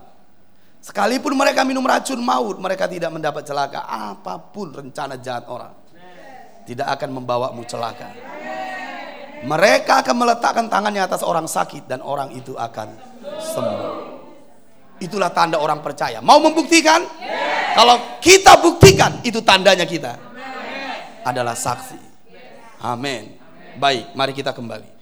Menjadi saksiku artinya yang pertama melihat, mengalami dan berada di kejadian itu. Yang kedua, kita membuktikannya dengan tanda-tanda. Yang ketiga, menjadi representatif menjadi representatif. Apa representatif? Mewakili. Jadi menjadi saksiku itu artinya menjadi wakilku. Orang tidak bisa melihat aku, tapi bisa melihat aku melaluimu. Orang tidak bisa mendengarkan aku, tapi dia bisa mendengarkan aku melaluimu. Orang tidak bisa memegang aku, tapi mereka bisa memegang aku melaluimu. Bisa mengerti? Itu namanya perwakilan. Representatif. Yuk kita buka Galatia 1. Galatia 1 ayat 15 16. Galatia 1 15 16. Tetapi waktu ia yang telah memilih aku sejak kandungan ibuku dan memanggil aku dalam oleh kasih karunia-Nya. Semua kita dipanggil bisa mengerti? Sejak di dalam kandungan. Jadi siapa pun kita yang di ruangan ini, kita sudah dipanggil sebelum kita ada. Bukan karena perbuatan kita, tapi karena kasih karunia. Katakan amin. Bukankah ini hal yang menggembirakan?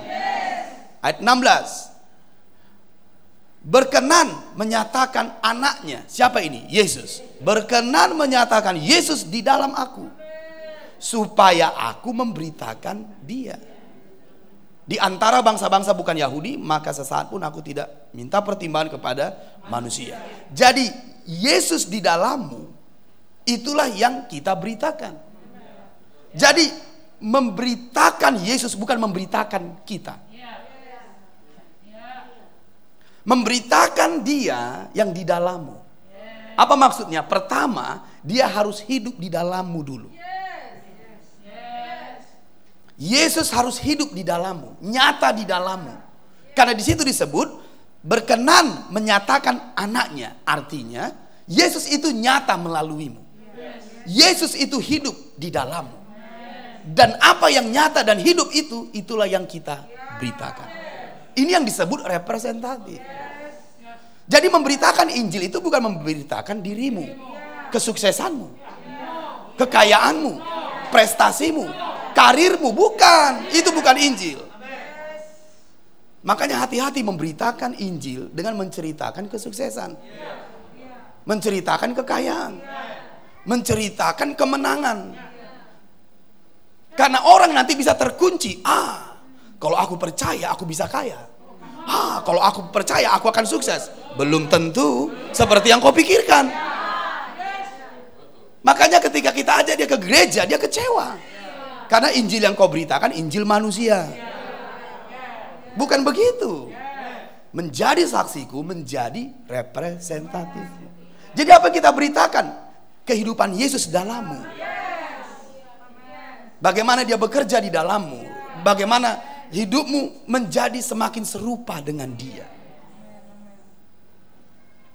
Yuk kita lihat Galatia tadi. Karena saya ingin kita charge terus, oke? Okay?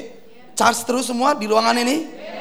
Lihat ayat ke-16. Berkenan menyatakan anaknya di dalam aku. Ini artinya adalah hidup Yesus itu nyata dalam. Hidup Yesus itu bermanifestasi. Hidup Yesus itu dapat terlihat.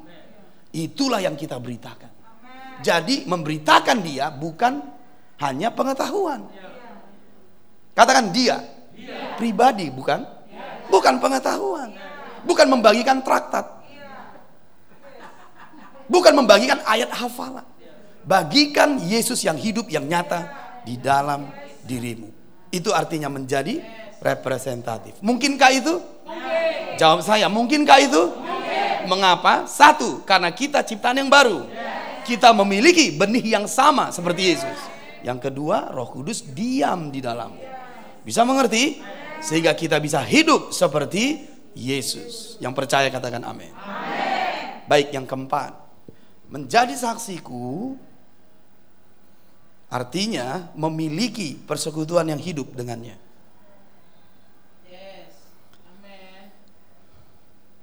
Menjadi saksiku artinya memiliki persekutuan yang hidup dengannya. Kita lihat dulu ayat ini. 1 Yohanes 1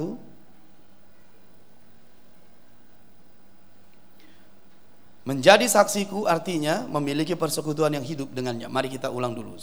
Menjadi saksiku yang pertama, melihat, mengalami, dan berada di kejadian itu. Bisa paham? Yang kedua, kita membuktikannya dengan tanda-tanda. Apa yang ketiga? Kita menjadi representatif. Apa itu representatif? Mewakili Yesus. Orang bisa melihat Yesus dari hidup kita. Bisa paham? Memang Yesus ada di sorga, tapi dia hidup di dalammu kan? Dia yang hidup di dalammu itu yang kau beritakan. Jadi jangan ganti Injil menjadi Injil manusia. Oh ikut Yesus kau akan sukses. Dia pikiri kesuksesannya. Dia nggak memikiri harga yang dibayar Yesus. Kematian Yesus karena dosanya. Nggak, nggak, nggak sampai dia di situ. Ikut Yesus nanti kau sejahtera. Ikut Yesus nanti engkau akan kaya. Semua hal-hal itu menjadi motivasi dan dorongan untuk mengikuti Yesus. Ketika dia ke gereja, ketika dia ini dia, terus menerus, semua yang tadi nggak kelihatan. Karena memang itu Injil manusia. Bukan berarti kita tidak bisa memberitakan itu. Tapi itu ya itu, Injil ya Injil. Injil itu adalah tentang Yesus. Bisa mengikuti saya? Yang keempat, memiliki persekutuan yang hidup dengannya. Mari kita buka 1 Yohanes 1 ayat 1 sampai 3. 1 Yohanes 1 ayat 1 sampai 3. Lihat di situ. Apa yang telah ada sejak semula? Apa yang telah ada sejak semula? Yes, firman atau Allah. Kejadian 1 pada mulanya Allah. Yohanes 1 pada mulanya firman. Karena firman dan Allah adalah sama. Jadi apa yang telah ada sejak semula, perhatikan, yang telah kami dengar, yang telah kami lihat dengan mata kami, yang telah kami saksikan, ini kan saksi. Karena saksi itu melihat, mendengar, mengalami. Jadi mereka mengalami, melihat, meraba Yesus sendiri. Mereka layak menjadi saksi. Oke?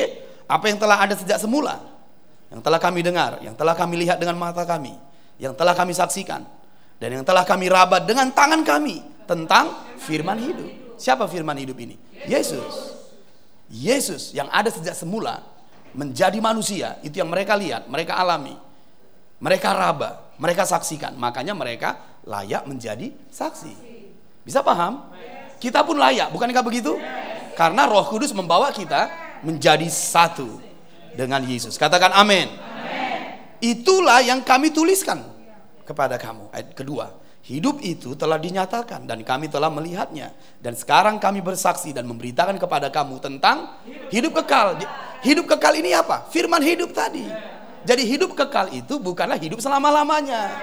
Hidup kekal itu ya hidupnya Allah. Bisa mengerti maksud saya? Itu sebabnya mari kita redefinisi. Hidup kekal itu bukan hidup selama-lamanya. Karena setan pun selama-lamanya di neraka. Tapi kalau kita lihat ayat ini, bahwa hidup kekal itu tentang firman hidup. Hidup kekal itu tentang Yesus. Dan engkau akan memiliki hidup dan hidup berkelimpahan. Inilah hidup kekal itu. Bisa mengerti? Yang ada bersama-sama dengan Bapa dan yang telah dinyatakan kepada kami. Lihat ayat ketiga. Apa yang telah kami lihat dan yang telah kami dengar dan kami beritakan kepada kamu juga. Perhatikan supaya kamu pun beroleh persekutuan dengan kami. Dan perhatikan, persekutuan kami, siapa kami ini? Saksi. Bukankah kami itu tadi saksi? Para rasul. Dan persekutuan saksi kami adalah persekutuan dengan Bapa dan dengan anaknya Yesus Kristus. Jadi menjadi saksi itu memiliki persekutuan yang hidup, yang intim dengan Allah sendiri. Kita nggak bisa menjadi saksi tapi terputus hubungannya dengan Allah. Persekutuan itu harus hidup, harus continue, harus segar, harus terus menerus. Makanya ketika persekutuan itu terputus, menjadi saksi pun kita lemah. Tidak ada dorongan. Tapi kalau persekutuan itu hidup, fresh, segar, meningkat, lebih dalam, lebih kuat. Gak heran kita tiap-tiap hari ingin bersaksi, tiap-tiap hari ingin bersaksi. Jadi menjadi saksi itu memiliki persekutuan. Apakah kita semua ini saksi? Tiap-tiap hari kita online dengan Tuhan. Waktu kita memuji, kita merasakan hadiratnya. Waktu kita merenungkan, kita mendengar suaranya. Waktu kita berdoa, kita mengalami kuasanya. Haleluya! Ini adalah kriteria menjadi saksi. Ciri menjadi saksi. Persekutuannya dengan Tuhan itu hidup. Waktu dia memuji, ada hadirat Tuhan di sekitarnya. Waktu dia berdoa, dia mengalami kuasa. Bisa mengerti? Karena persekutuan itu hidup. Jadi nggak bisa kita didorong-dorong untuk penginjilan. Nggak bisa, itu live itu. Makanya saya, saya, saya kadang nak melihat penginjilan itu diprogramkan. Nggak bisa, karena menjadi saksi itu pekerjaan roh. Hati-hati loh. Makanya ketika kita memiliki persekutuan yang hidup dengan Tuhan, air hidup itu terus menerus mengalir. Nggak usah diajari. Kita pasti menceritakannya. Tapi kalau itu stop, itu mati, itu stagnan. Semua jadi program. Semua akan jadi program. Katakan program. program. Bentuk. Bentuk. Bisa mengerti?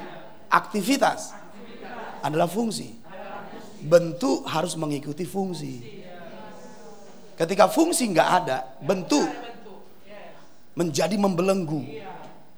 Ketika nggak ada kehidupan, program menjadi membelenggu. Bentuk itu harus mengikuti fungsi. Apa fungsinya? Kita harus pergi. Kita harus memberitakan Injil. Tapi kalau nggak ada rohnya di dalam, dia akan jadi program. Makanya kita bosan. Persekutuan dengan Allah itulah yang memotori kita, memotori kita, mendorong kita live, pergi memberitakan kunjungan dan lain-lain. Tidak ada yang mengajari. Jadi rohnya itu ada di persekutuan dengan Allah. Katakan amin. Mari kita bangkit berdiri dulu. Saya ingin berdoa buat kalian karena masih ada 100 poin lagi.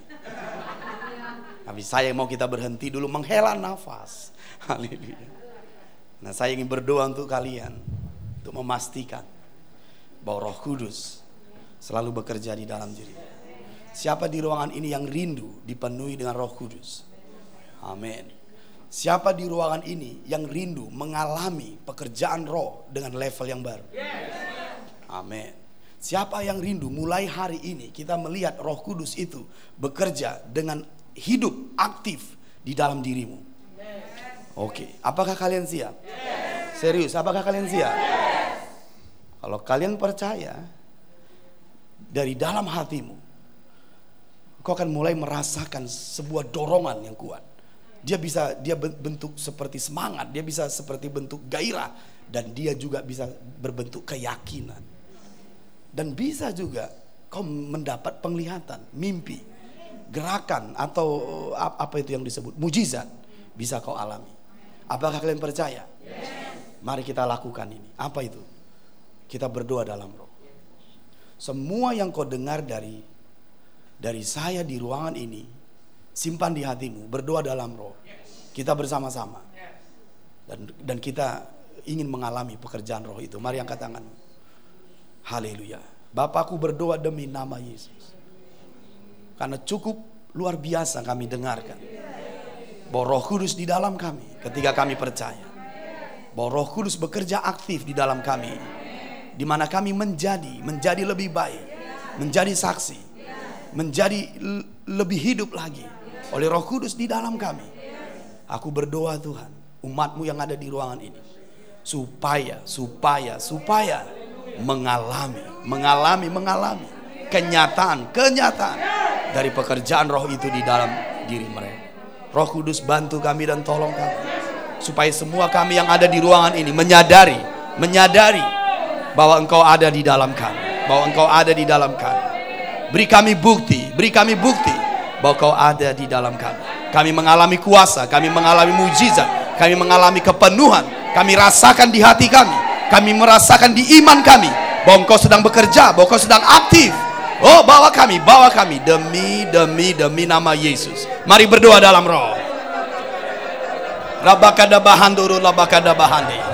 Song bondoro lobora labakada bahai. Rebeda bakada bara labora bakada bahandi de debe. Ribiando boro lobora bakada bakamare beda labakada bahai. Rende beda bahanda da loboro labakada bahai. Re ke bede bende da lobora bakada bahandi de debe. Riando boko bande beke de bere leberende. Sobondo bakada bahai. Lebre. Oh renda bakada bahai. Loboro lobo rabana mare lebe. Renda bakodoboro la bakadabai. Shebe kedebende relebe relabai. Oh ralama lama kadabahandi. Berdoa berdoa. Sobo kodobo rebe. Lebe dobo lebe lebo la bakadaba. La bande bedebo dara la bahandi. Lebe lebe lobo robo robo. Lebe debe debe lobo robo. Lebe debende relebe. Rebe doboro la bande bedebo rabakadabahai. Isebe debende relebe. Okoboro lobo. Berdoa, berdoa. Sobo kadabai. Hilebe kodobo, hilebe kodobo. Raban debe debe. Oh redebe debo ralaba sebeke debe. Le ralama sobo kobo rebeda bahai. Berdoa, berdoa demi nama Yesus. Sobo kodobo rabande. Le debo rabakadaba. Sebe debe debe hando borolobo. Sebe sebe debe debe rabando borolobo. Sebe debo kodabande be. Ibrake ho sobo rabande debe. Kobondo boro lobo rebeke deba. Berdoa berdoa sobo dabande beke beda banda. Oh ralama sobo lebererete. Rabaka dabare lebere lobo ko dabahande lebe. Riando boro boro lobo rabande beke debe. Ralabaka dabahai. Sembe bedebe, sembe bedebe, sembe bedebende. Robo boro boro lobo ko dabahai. Yes. Yes. Sobo ko dabahande. Robo Shanda Baranaba. Aktif dalam rohmu, aktif, aktif dalam hatimu sekarang demi nama Yesus. Roh Kudus, Roh Kudus, saboda bahande. Lebe dabo rabakada bahande lebe.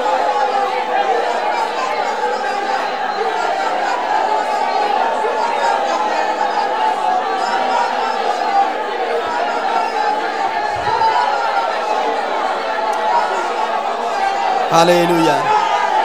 Amin, amin, amin, amin. Haleluya. Subuh bahandi.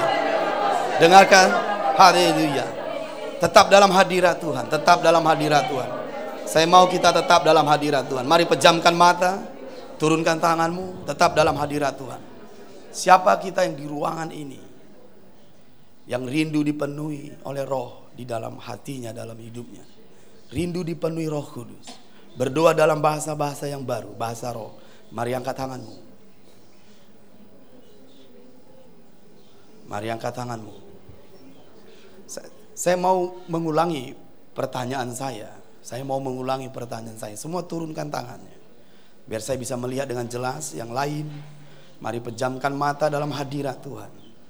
Sebab roh kudus ingin melakukan sesuatu bagi kita di ruangan ini. Sebab dia baik, dia baik. Dia bekerja, dia berkuasa. Dan dia ingin melayani kita hari ini. Membawa kita pada kehidupan yang lebih, lebih, lebih baik. Pertanyaan saya tolong didengarkan dengan jelas. Siapa yang rindu di ruangan ini berdoa dalam bahasa roh? Dia belum berbahasa roh, tapi dia rindu untuk mulai berdoa dalam bahasa roh. Boleh angkat tangan? Haleluya. Teruskan angkat tangan. Rabakada bahandi delebe. Syukur labakada bahandi. Haleluya. Boleh maju ke depan. Boleh maju ke depan. Yang kedua, saya ingin bertanya, siapa yang rindu kita yang ada di ruangan ini mengalami impartasi roh dari saya sehingga kau mengalami satu grade yang baru, tingkatan yang baru, kepekaan dengan Roh Kudus. Mari yang katakan. Haleluya. Amin, amin. Haleluya. Mam boleh di belakang. Haleluya. Haleluya. Haleluya. Sebelum saya berdoa buat yang nomor dua tadi, saya ingin berdoa.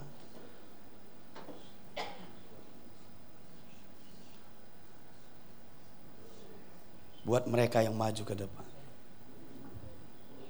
demi nama Yesus. Dengarkan instruksi saya. Roh Kudus akan memenuhimu dengan lembut, dengan kasih, dan oleh imanmu sejak hari ini. Kau akan mulai berbahasa-bahasa yang baru. Seperti yang diberikan roh di dalam hati. Kehidupanmu, kesehatanmu, hubungan-hubunganmu, pengertianmu akan berubah. Akan berubah total. Pengertianmu akan firman, kerinduanmu akan firman. Akan berubah total. Hidupmu, semua aspek hidupmu akan berubah total. Sebab demikianlah firmannya. Bahwa mereka yang percaya akan dipenuhi oleh roh kudus. Roh kudus akan diam di hatinya. Dan roh kudus akan memberi bahasa-bahasa yang baru baginya. Ikuti dulu doa saya, mari angkat tanganmu. Ikuti doa Papa, Bapak Sorgawi. Aku percaya firmanmu. Bahwa firmanmu berkata, mereka yang percaya pada Yesus Kristus akan dipenuhi Roh Kudus. Di sini aku berdiri mengangkat tanganku, percaya, mengaku bahwa Yesus adalah Tuhan, bahwa Yesus adalah Raja. Aku percaya bahwa Yesus sudah mati bagiku dan bangkit bagiku, mengampuni dosa-dosaku, menebus aku dari hidupku yang lama. Sekarang, demi nama Yesus, Aku menyerahkan hidupku, menyerahkan keluargaku, menyerahkan masa depanku ke dalam tangan Tuhan. Yesus Juru Selamat di dalam diriku. Aku mengangkat tanganku, membuka hatiku, mengakui dengan mulutku. Yesus adalah Tuhan. Yesus adalah Juru Selamat. Diamlah dalam diriku. Tinggallah Tuhan dalam diriku tinggallah dalam diriku. Sekarang Tuhan, aku lapar dan haus. Aku percaya pada roh kudus, pada kuasanya. Sekarang aku datang. Aku memohon. Penuhilah hidupku. Penuhilah hatiku dengan roh kudus. Supaya aku bisa berdoa. Supaya aku bisa bernyanyi. Supaya aku bisa memuji dengan bahasa-bahasa yang baru Berilah Tuhan Aku percaya. Aku lapar dan haus. Aku rindu akan Roh Kudus demi nama Yesus. Dengarkan ketika Papa berdoa dalam bahasa roh. Dengarkan bahasa roh Papa dan ikuti saja. Ikuti saja. Dengarkan Papa sekali lagi. Waktu Papa berdoa bahasa roh, ikuti doa Papa satu kata dua kata dengan imanmu. Karena sesungguhnya engkau memiliki roh yang baru. Dan roh kudus diam di dalam diri. Dengan keyakinanmu, dengan percaya, kau mengikuti aliran bahasa-bahasa roh papamu. Satu kata hafal ikuti. Dua kata terus. Tidak tidak langsung sempurna, tidak langsung fasih. Tapi mulai perlahan-lahan, mulai perlahan-lahan.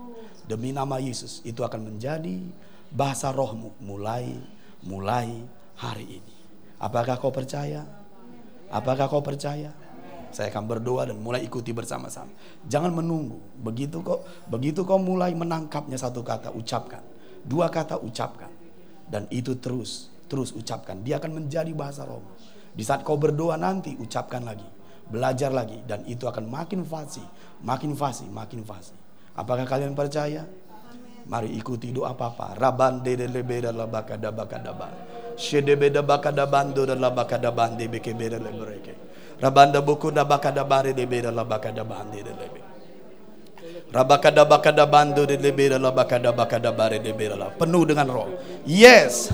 Haleluya. Iya, doakan terus. Iya, rabakada bakada bakada bakada de beda la ba. Rabakada bakada bare de beda la buku. Iya. Ho. Rabakada bakada bare lebih penuh dengan roh, penuh dengan roh. Iya, berdoa lagi terus seperti itu. Yes.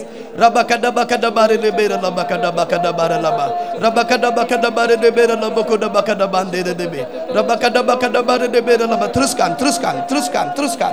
Rabak teruskan rabakada bakada bara labakada bara lebe. Ya, ya teruskan rabakada bakada bara labora labakada ba. Syabakada bakada bara lebe labakada penuh dengan roh, penuh dengan roh, penuh dengan roh, penuh di hatimu, penuh meluap dari mulutmu. Sekarang demi nama Yesus penuh dengan roh. Lebe labakada bara laba. Berdoa dalam bahasa yang baru, berdoa dalam roh. Penuh, penuh, penuh, penuh. Ikuti terus. Ikuti, ikuti. Iya, begitu. Terus dengan iman, terus. Iya begitu. Yes, itulah bahasa rohmu. Teruskan dengan iman, teruskan dengan iman. Iya, teruskan. Rabakada bakada ba. Penuh dengan roh, penuh dengan roh, penuh dengan roh. Penuh dengan roh, penuh dengan roh, penuh dengan roh. Penuh dengan roh, penuh dengan roh, penuh. Syada baba baba baba. Mari kita semua berdoa dalam roh. Semua berdoa dalam roh. Yang di depan mulai praktekkan, mulai praktekkan. Roh roboko dabakada bara labakada baha. Rabanda bara lama lama rabakada bara lama. Rabanda makabara labara rabakada bara lama. Rabara labakada bara lebera lama. Ro rebene bakada bahande lebe. Sondo boro labakada bara lama. Randa bara labakada bah. Teruskan yang di depan. Yes. Itulah bahasa rohmu. Teruskan, teruskan dalam doamu, dalam pujianmu. Teruskan dalam perenunganmu akan firman. Teruskan mujizat akan terjadi. Perkara yang besar akan terjadi dalam hidupmu, keluargamu. Demi nama Yesus. Berdoa dalam roh sekali lagi. Demi nama Yesus.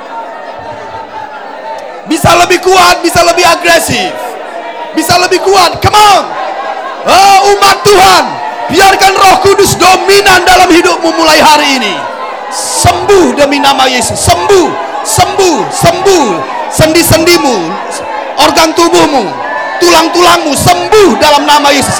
Dari bawah sampai ke atas sembuh, sembuh demi nama Yesus. Kuat, sembuh. In Jesus name. Oh, Ayo berdoa sebentar lagi, sebentar lagi. Demi nama Yesus, demi nama Yesus. Yang di depan teruskan, yes, teruskan. Haha. Oh, glory, glory. Oh, rabakada bare de beda rabakada baha. Oh, rebeda bakada bare de beda rabakada baha.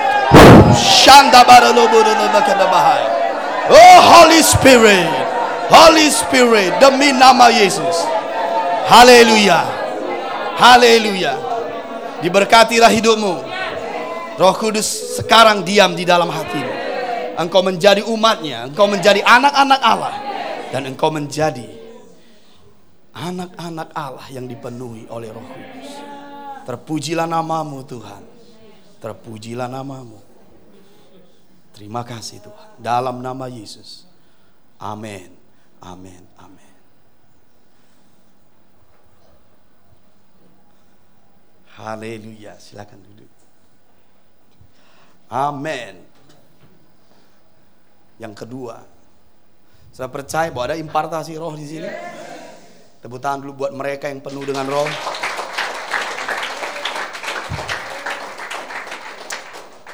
Tiga orang mulai mengalir dalam bahasa roh. Saya mendengarnya, mereka mengucapkannya. Dan puji Tuhan buat pekerjaan roh kudus. Amin. Yang kedua, saya ingin berdoa buat kalian untuk grade yang baru dari persekutuan dengan roh kudus. Dan satu nanti tanda yang kalian lihat adalah pengertian, cara berpikir. Akan semakin strategi, semakin brilian. Mengapa semakin brilian? Karena roh kudus itu roh kebenaran. Dia di atas pengetahuan. Tidak ada masalah yang terlalu rumit bagimu. Tidak ada. Engkau akan mulai melihat dengan jelas. Mungkin itu bicara tentang sakit penyakit mungkin, hubungan mungkin, ekonomi mungkin. No, no, no, tidak lagi. Engkau akan mulai melihat dengan jelas masalah ini. Dan engkau tahu bagaimana caranya. Mengapa? Karena roh kudus menginspirasi pengertianmu. Apakah kalian siap? Apakah kalian siap? Percaya dengan Papa? Percaya dengan hambanya? Percaya dengan orang yang diutus? Berkatilah engkau. Ikuti instruksi saya. Mari angkat tanganmu. Mari angkat tanganmu. Saya akan berdoa. Saya akan berdoa. Semua diam, semua diam dan angkat tanganmu dan biarkan papa dulu yang berdoa. I ando boro lebe kabahaya.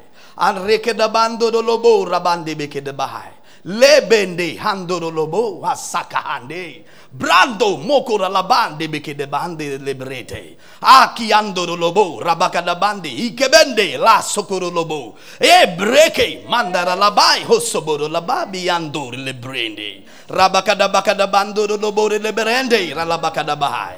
Oh Bapa Sorgawi, oh Bapa Sorgawi. Oh Bapa Sorgawi, aku datang ke hadiratmu. Aku datang ke tahtamu. Pelayanmu, hambamu ini ya Tuhan. Aku berdoa buat umatmu yang lapar dan haus. Aku berdoa buat umatmu yang percaya ini. Demi nama Yesus aku meminta suatu grade yang baru. Tingkatan yang baru. Level yang baru. Dari pekerjaan roh kudus. Untuk mengaktifkan pikiran. Mengaktifkan pengertian. Demi nama Yesus. Lebih strategik. Lebih brilian. Mengetahui hal-hal yang lebih. Mengetahui hal-hal yang lebih. Misteri tidak ada lagi rahasia tidak ada lagi, jalan buntu tidak ada lagi. Makin jelas melihat, makin jelas mengerti, makin jelas memahami. Aku berdoa ya Allahku, ini hari terobosan bagi umatmu, lebih produktif, lebih kreatif, efektif bagi kerajaanmu demi nama Yesus. Ah, kalau kau menerimanya berdoa dalam roh sekarang.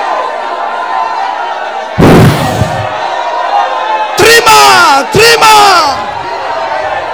terima, lebih lagi, terima, penuh di atasmu, penuh di dalammu, penuh di hidupmu sekarang.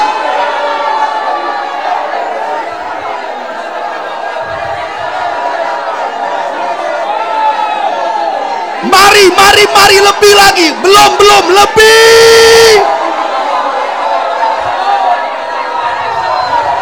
Mana suara Bartimeus? Mana suara Bartimeus? Pegang tahtanya, pegang jubahnya. Mari, mari. Penuh dengan roh.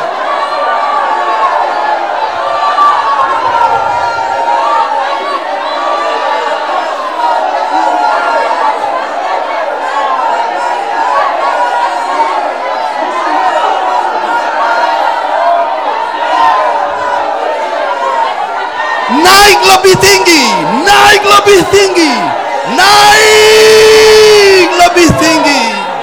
Boom. Ini hari baru, hari terobosan, hari mujizat, hari kelepasan, hari naik level demi nama Yesus. Berdoa lagi.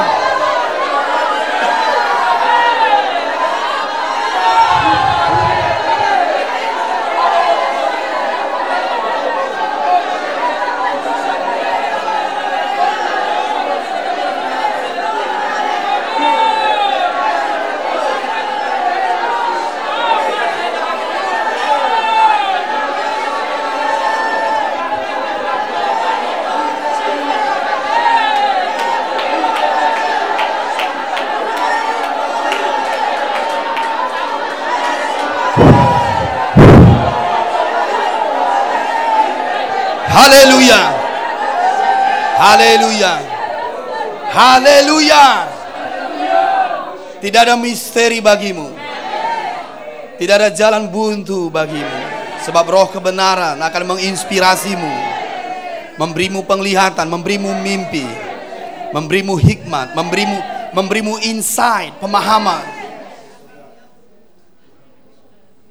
Mulai hari ini engkau akan berbeda. Engkau akan berbeda memikirkan keluargamu, memikirkan anak-anakmu, memikirkan ekonomimu, memikirkan kotamu, memikirkan pekerjaanmu. Engkau akan berbeda. Engkau akan berbuah dan berbuah dan berbuah. Roh Kudus yang menghinggapimu hari ini akan diam di dalammu dan akan menyertaimu dia akan membangunkanmu untuk berdoa. Dia akan membangunkanmu untuk merenungkan firman. Dia akan membangunkanmu untuk pergi bekerja. Dia akan membangunkanmu untuk pergi bersaksi. Dan tidak ada kekeringan rohani, tidak ada kegersangan rohani, tidak ada padang gurun. Semua adalah tempat yang berair, semua adalah tanah yang subur. Mulai hari ini anak-anakku, mulai hari ini grade kehidupan rohanimu akan dinaikkan. Akan dinaikkan. Akan dinaikkan. Dengarkan papa, kau akan mulai merasakan dan mengetahui ada yang berbeda dari pikiranmu, pengertianmu, pemahamanmu. Caramu melihat akan berbeda. Caramu berbicara, caramu menanggapi caramu menyelesaikan masalahmu akan berbeda. Engkau tidak akan sama. Dengarkan suara papamu. Demi nama Yesus. Haleluya. Kita yang menerima berkat ini. Sama-sama berkata, Amin. Haleluya. Berikan kemuliaan buat Tuhan. Amin, amin. Haleluya. Amin. Masih masih kuat terus terang? Yes. Amin. Siap satu setengah jam lagi? Yes. Good, silakan duduk dan kasih senyum kanan kirinya. Masih masih di situ dia.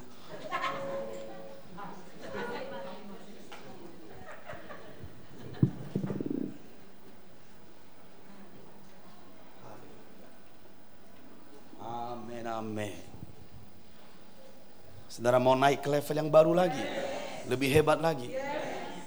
Baik. Huh, dahsyat Tuhan. Dahsyat Tuhan. Siapa yang mengalami kepenuhan roh? Amin. Baik, sampai di mana kita? Nomor empat. Memiliki persekutuan yang hidup dengannya. Tidak ada tidak ada kekeringan di hati kita. Tidak ada stagnan. Tidak ada tawar hati. Apalagi namanya itu, putus asa. Tidak. Kita akan hidup terus. Mengapa kita hidup terus? Kita memiliki hidup kekal. Tahu hidup kekal itu? Hidup Tuhan. Apa definisi hidup Tuhan? Hidup dan hidup yang berkelimpahan. Itu hidup Tuhan.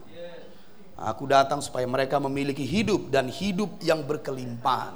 Karena hidup dan hidup yang berkelimpahan adalah aku kata Yesus. Itulah hidup yang kekal. Makanya saya ada ada heran lihat orang yang coba menganalisa firman dengan psikologi Yunani bahwa kita bertumbuh dari bayi ke remaja ke dewasa. Itu seperti ada bulan madu, ada musim kering.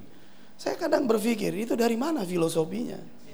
Yang saya tahu firman berkata hidup orang benar dari rembang dari fajar sampai rembang tengah hari, nggak ada padang gurun. Bahkan Yesus berkata, mereka yang percaya padaku dari dalam hatinya mengalir aliran air hidup sampai selamanya. Di mana padang gurunnya? Inilah coba menerjemahkan Alkitab dengan filosofi Yunani. Karena karena Yunani itu melambangkan ilmu pengetahuan. Yahudi itu melambangkan agama. Tapi kita nggak bisa me, me, mentafsirkan firman dari ilmu pengetahuan. Kita harus mentafsirkannya dari pekerjaan Roh Kudus. Bisa mengerti? Jadi tidak ada kekeringan, tidak ada monoton, tidak ada tawar hati. Hentikan itu. Ada lagi orang memilih-milih pelayanan karena gaya kepribadian. Kita mengisi kuesioner. Dari kuesioner kita bergaya intim. Ah ini cocoknya konselor. Dari mana kita itu gaya Yunani. Filosofi Yunani memilih-milih pekerjaan menurut gaya kepribadian. Gaya kepribadianmu itu dibentuk dari lingkunganmu. Dibentuk dari keluargamu. Itu bukan dibentuk oleh Roh Kudus. Dan kita nggak bisa oh saya saya gaya kepribadian saya adalah intim, aku pendoa syafaat. Dari mana kita coba mentafsirkan itu? Semua orang percaya pendoa. Gak ada kaum elit pendoa syafaat. Tidak ada. Semua kita pendoa syafaat. Karena kita dipanggil untuk berdoa bagi bangsa. Semua kita bersaksi. Oh aku pendoa, nggak perlu bersaksi. Di mana kita lihat itu? Pergilah dan jadikan semua bangsa muridku. Kita udah menjadi gereja yang sekuler, gereja yang diwarnai oleh filosofi Yunani dan tidak digerakkan oleh kemurnian dari Roh Kudus. Itu sebabnya setiap gereja yang terkontaminasi tidak ada kuasanya. Bisa mengerti maksud saya? Kan udah saya bilang, saya naikkan grade-nya. Bisa mengerti? Berhati-hati. Apa yang berhati-hatinya tadi? Iya, sebelumnya saya.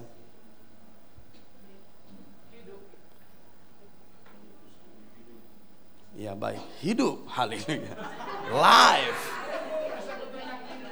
Hidup dan hidup yang berkelimpahan adalah hidup Yesus. Dan kita tidak pernah kering, tidak, tidak pernah gersang.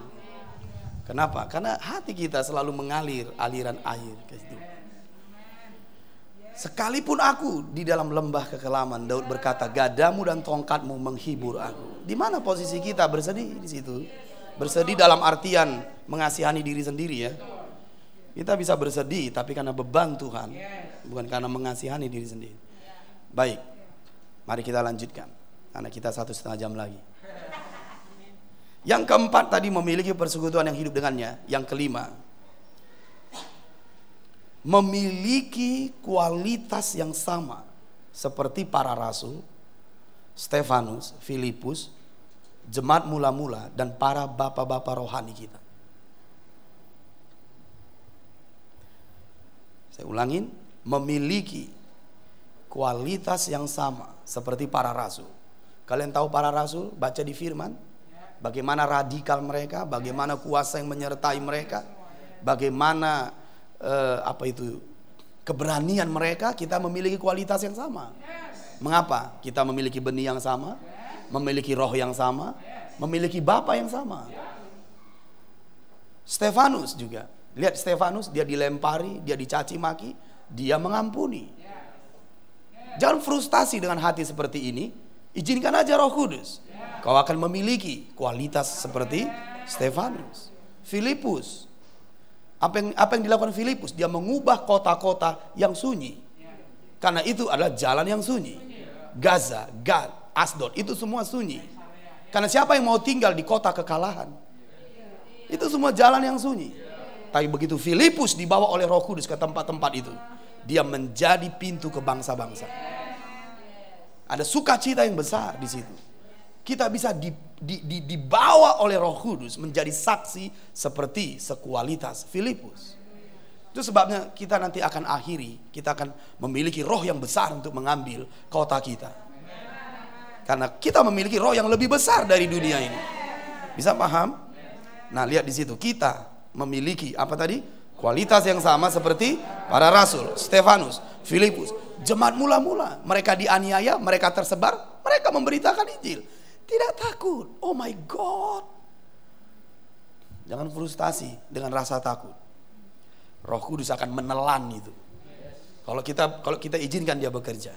Jadi kita memiliki kualitasnya dan apalagi para bapak-bapak rohani kita. Kita memiliki kualitas yang sama. Kita bermitra bersama di level yang sama. Yang keenam, kita akan memiliki kemampuan untuk menjadi seorang yang membangun tembok. Nomor enam, kita akan memiliki kemampuan untuk menjadi seorang yang membangun tembok.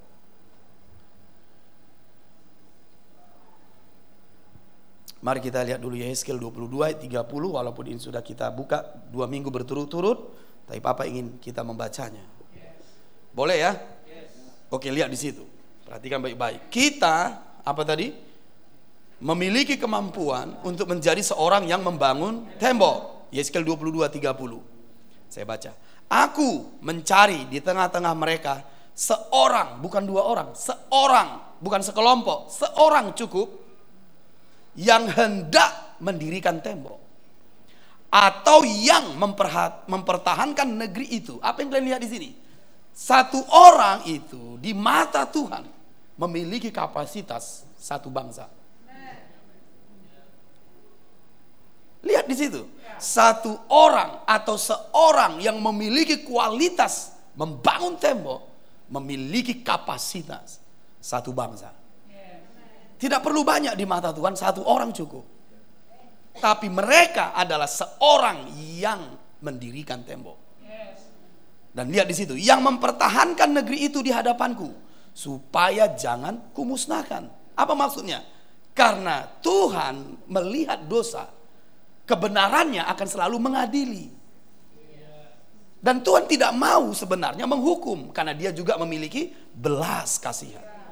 Dia juga memiliki pengampunan. Tapi untuk itu yang dinyatakan harus ada orang yang berdiri menjadi tembok tangan Tuhan dari sisi sebelah lain yaitu pengampunannya yang turun. Bukan sisi yang lain yaitu penghukumannya. Dan Tuhan memutuskan dari ayat ini yang kuinginkan belas kasihan.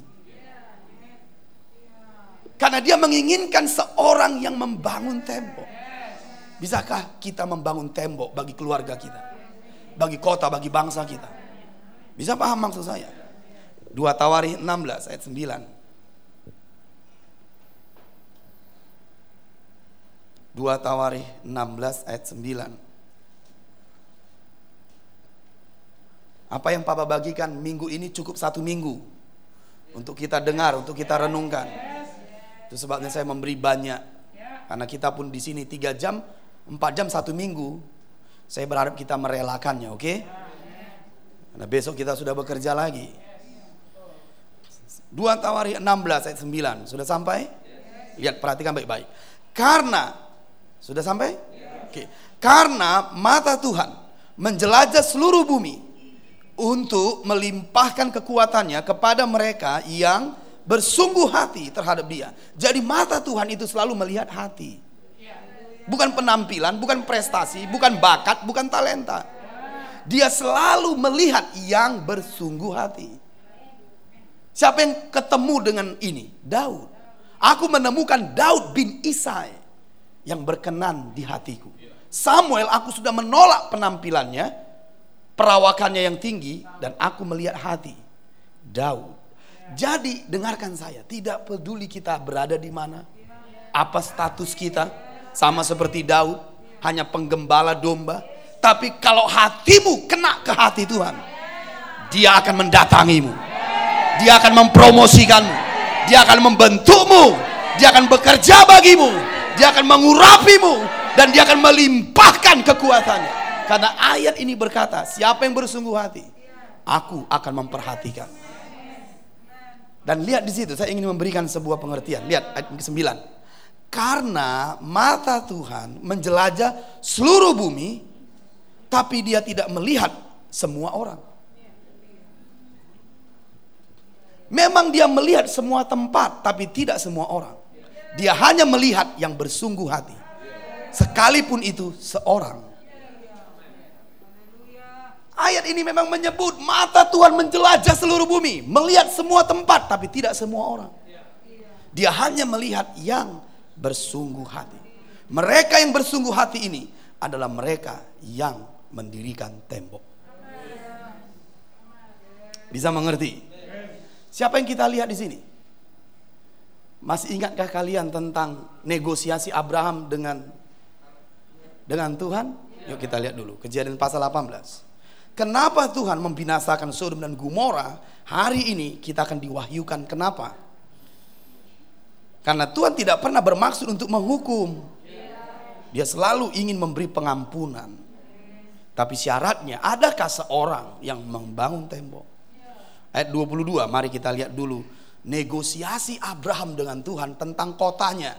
Dan saya berharap kita juga punya kemampuan untuk bernegosiasi dengan Tuhan terhadap keluargamu, anak-anakmu, bisnismu, kotamu, bernegosiasi. Sama seperti Hana, lihat saya, lihat saya. Hana berkata seperti ini, Tuhan kalau kau beri aku anak, ku berikan padamu. Itu negosiasi. Dan Tuhan memberinya anak. Dan waktu Samuel, waktu Hana mempersembahkan Samuel kepada Tuhan, Tuhan beri lagi dia lima anak.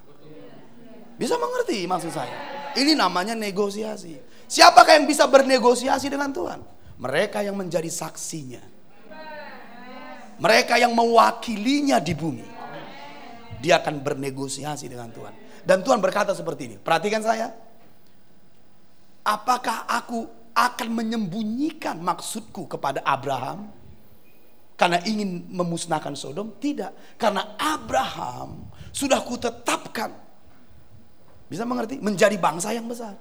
Jadi orang-orang seperti ini Tuhan akan membuka rahasianya. Rahasia terhadap kotanya, terhadap bangsanya. Coba kita lihat. Karena satu orang punya kapasitas satu bangsa. Lihat ya. Saya berharap ini tidak terlalu rumit buat kalian. Saya berharap, saya berdoa. Lihat ya, ayat 17. Karena ini akan terjadi pada pada kita juga. Karena kita memiliki kualitas menjadi saksi. Lihat kejadian 18 17. Perhatikan baik-baik. Berpikirlah Tuhan. Apakah aku akan menyembunyikan kepada Abraham apa yang hendak lakukan ini? Coba lihat. Apakah aku ingin menyembunyikan kepada Abraham? Ayat 18. Bukankah sesungguhnya Abraham akan menjadi bangsa yang besar? Serta berkuasa. Dan oleh dia segala bangsa di atas bumi akan mendapat berkat. Sebab aku telah memilih dia.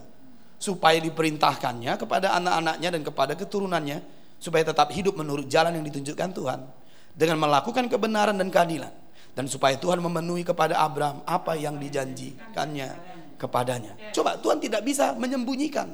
Dia membuka isi hatinya. Itu sebabnya dia akan datang padamu pada saat kau berdoa, pada saat kau merenung dan membukakan rahasianya padamu karena kita sudah menerima urapannya tadi. Bisa mengerti? Nah, ayat 20. Sesudah itu berfirmanlah Tuhan, sesungguhnya banyak keluh kesah orang tentang Sodom dan Gomora dan sesungguhnya sangat berat dosanya. Tapi lihat, apakah itu yang membuat Tuhan menghukum? Tidak, lihat Baiklah aku turun untuk melihat apakah benar-benar mereka telah berkelakuan seperti keluh kesah orang yang telah sampai kepadaku atau tidak. Aku tidak mengetahuinya.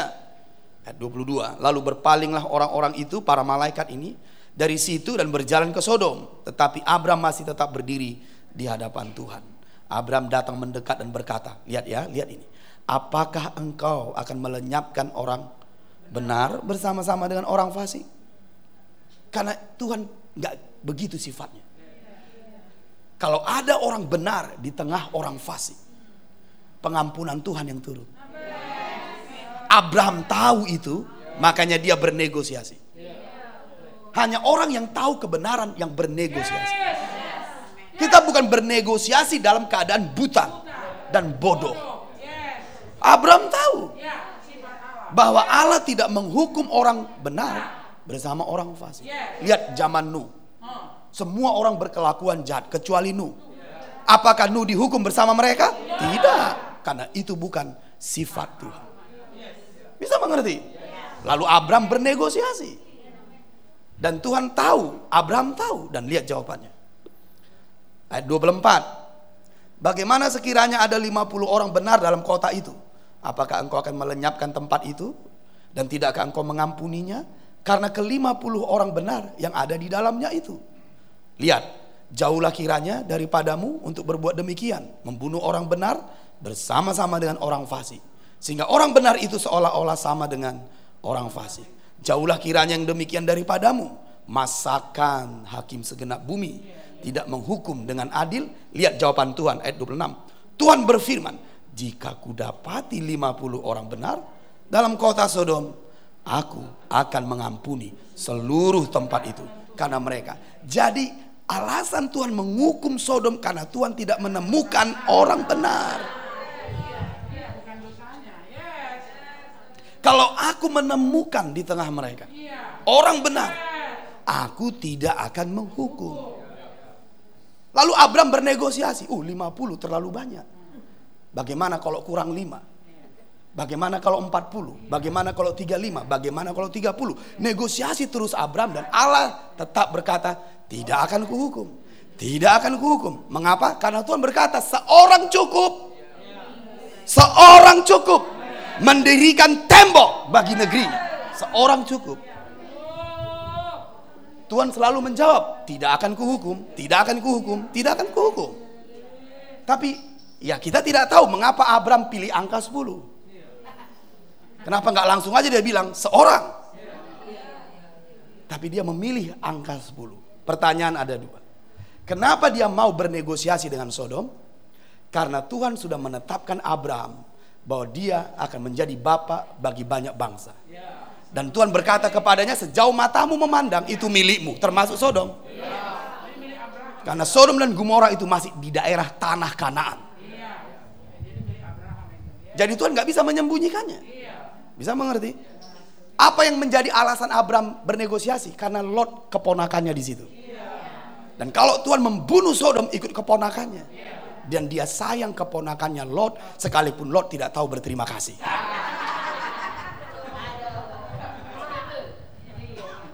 Pertama, Lot kaya di Mesir karena Abraham. Kedua, Lot dibebaskan dari uh, dari Kedor Laomer dan sekarang Lot dibebaskan juga dari Sodom dan Gomora. Ya, kita pun harus seperti itu ya. Tetap mengasihi tanpa syarat. Haleluya eh menjadi saksi. Dan tahu kalian kenapa? Lihat coba. Negosiasi terakhirnya. Saya mau yang terakhir coba ayat yang ke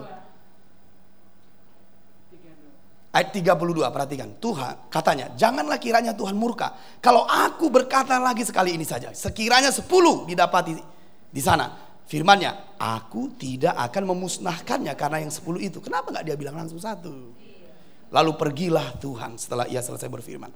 Karena Abraham itu adalah saudagar. Dia kaya karena dia pedagang, jago hitung. Dia hitung 10 pasti ada. Lihat, Lot dan istrinya. Dia punya dua anak perempuan bukan? Empat. Anak perempuannya ini sudah tunangan dengan dua laki-laki. Laki-laki ini punya dua orang tua masing-masing. Jadi berapa?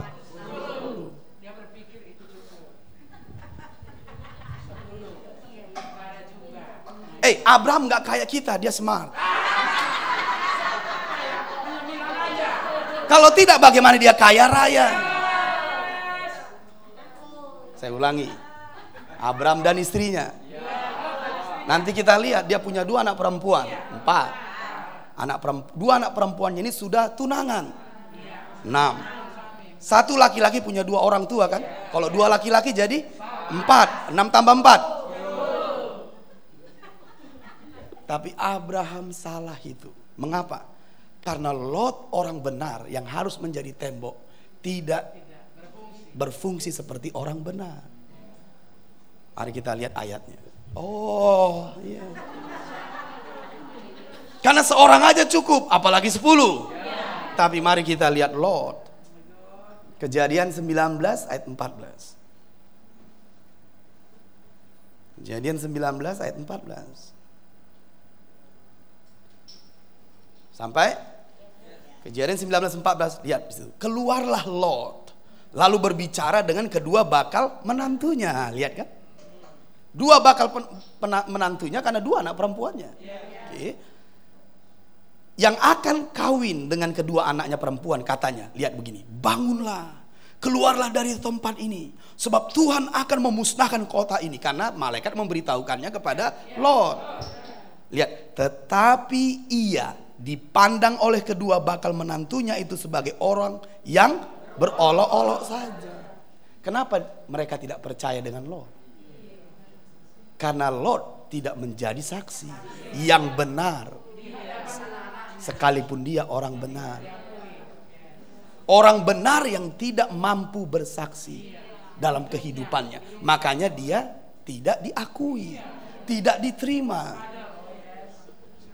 Inilah yang disebut orang benar tapi tidak menjadi tembok. Kalau dia memiliki kesaksian yang benar, menjadi representatif dari Yesus, kenapa dia dipandang berolok-olok? Bagaimana dengan Nuh? Coba. Bayangkan, Nuh disuruh Tuhan membangun bahtera di pegunungan. Coba lihat, orang-orang akan berkata, Nuh, kau ngapain? Bangun bahtera. Eh, Nuh, ini bukan di tepi pantai. Bisa mengerti? Bangun bahtera di tepi pantai. Kau bangun bahtera di gunung. Nuh berkata, memberitakan Injil, bertobatlah. Hujan akan datang. Mereka mengol, meng, tidak percaya dengan Nuh. Tapi Nuh, lihat Nuh. Nuh tetap percaya kepada Tuhan. Bisa mengerti? Hujan tidak pernah ada saat itu. Tapi Nuh tetap percaya. Berapa lama? 100 sampai 120 tahun dia membangun bahtera itu. Bisa mengerti? Dan dan apa yang terjadi? Anak-anaknya percaya? Anak-anaknya percaya. Bukan anak-anaknya jadi mengolok-ngolok dia. Bapak Nu. Tadi makan apa? Bisa mengerti kan? Bapak Nu. Apa itu hujan? Karena pada saat itu hujan belum pernah datang. Bumi dibasahi dari bawah. Bapak Nuh ini bahteranya mau ngapain? Siapa nanti yang membawa bahtera ini ke tepi pantai? Ini gunung besar lagi. Bapak Nuh bukan bermaksud mengolok-olok. Tapi pikir-pikir. Tapi anak-anaknya percaya, istrinya percaya. Dari mana saya tahu? Anak-anaknya dan istrinya ikut ke dalam bahtera. Lot tidak. Mari kita lihat tentang Lot dulu. 2 Petrus 2 2 Petrus 2 ayat yang ke-6.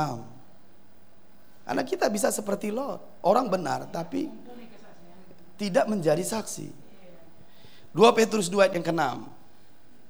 Dan jikalau Allah membinasakan kota Sodom dan Gomora dengan api dan dengan demikian memusnahkannya dan menjadikannya suatu peringatan untuk mereka yang hidup fasik di masa-masa kemudian.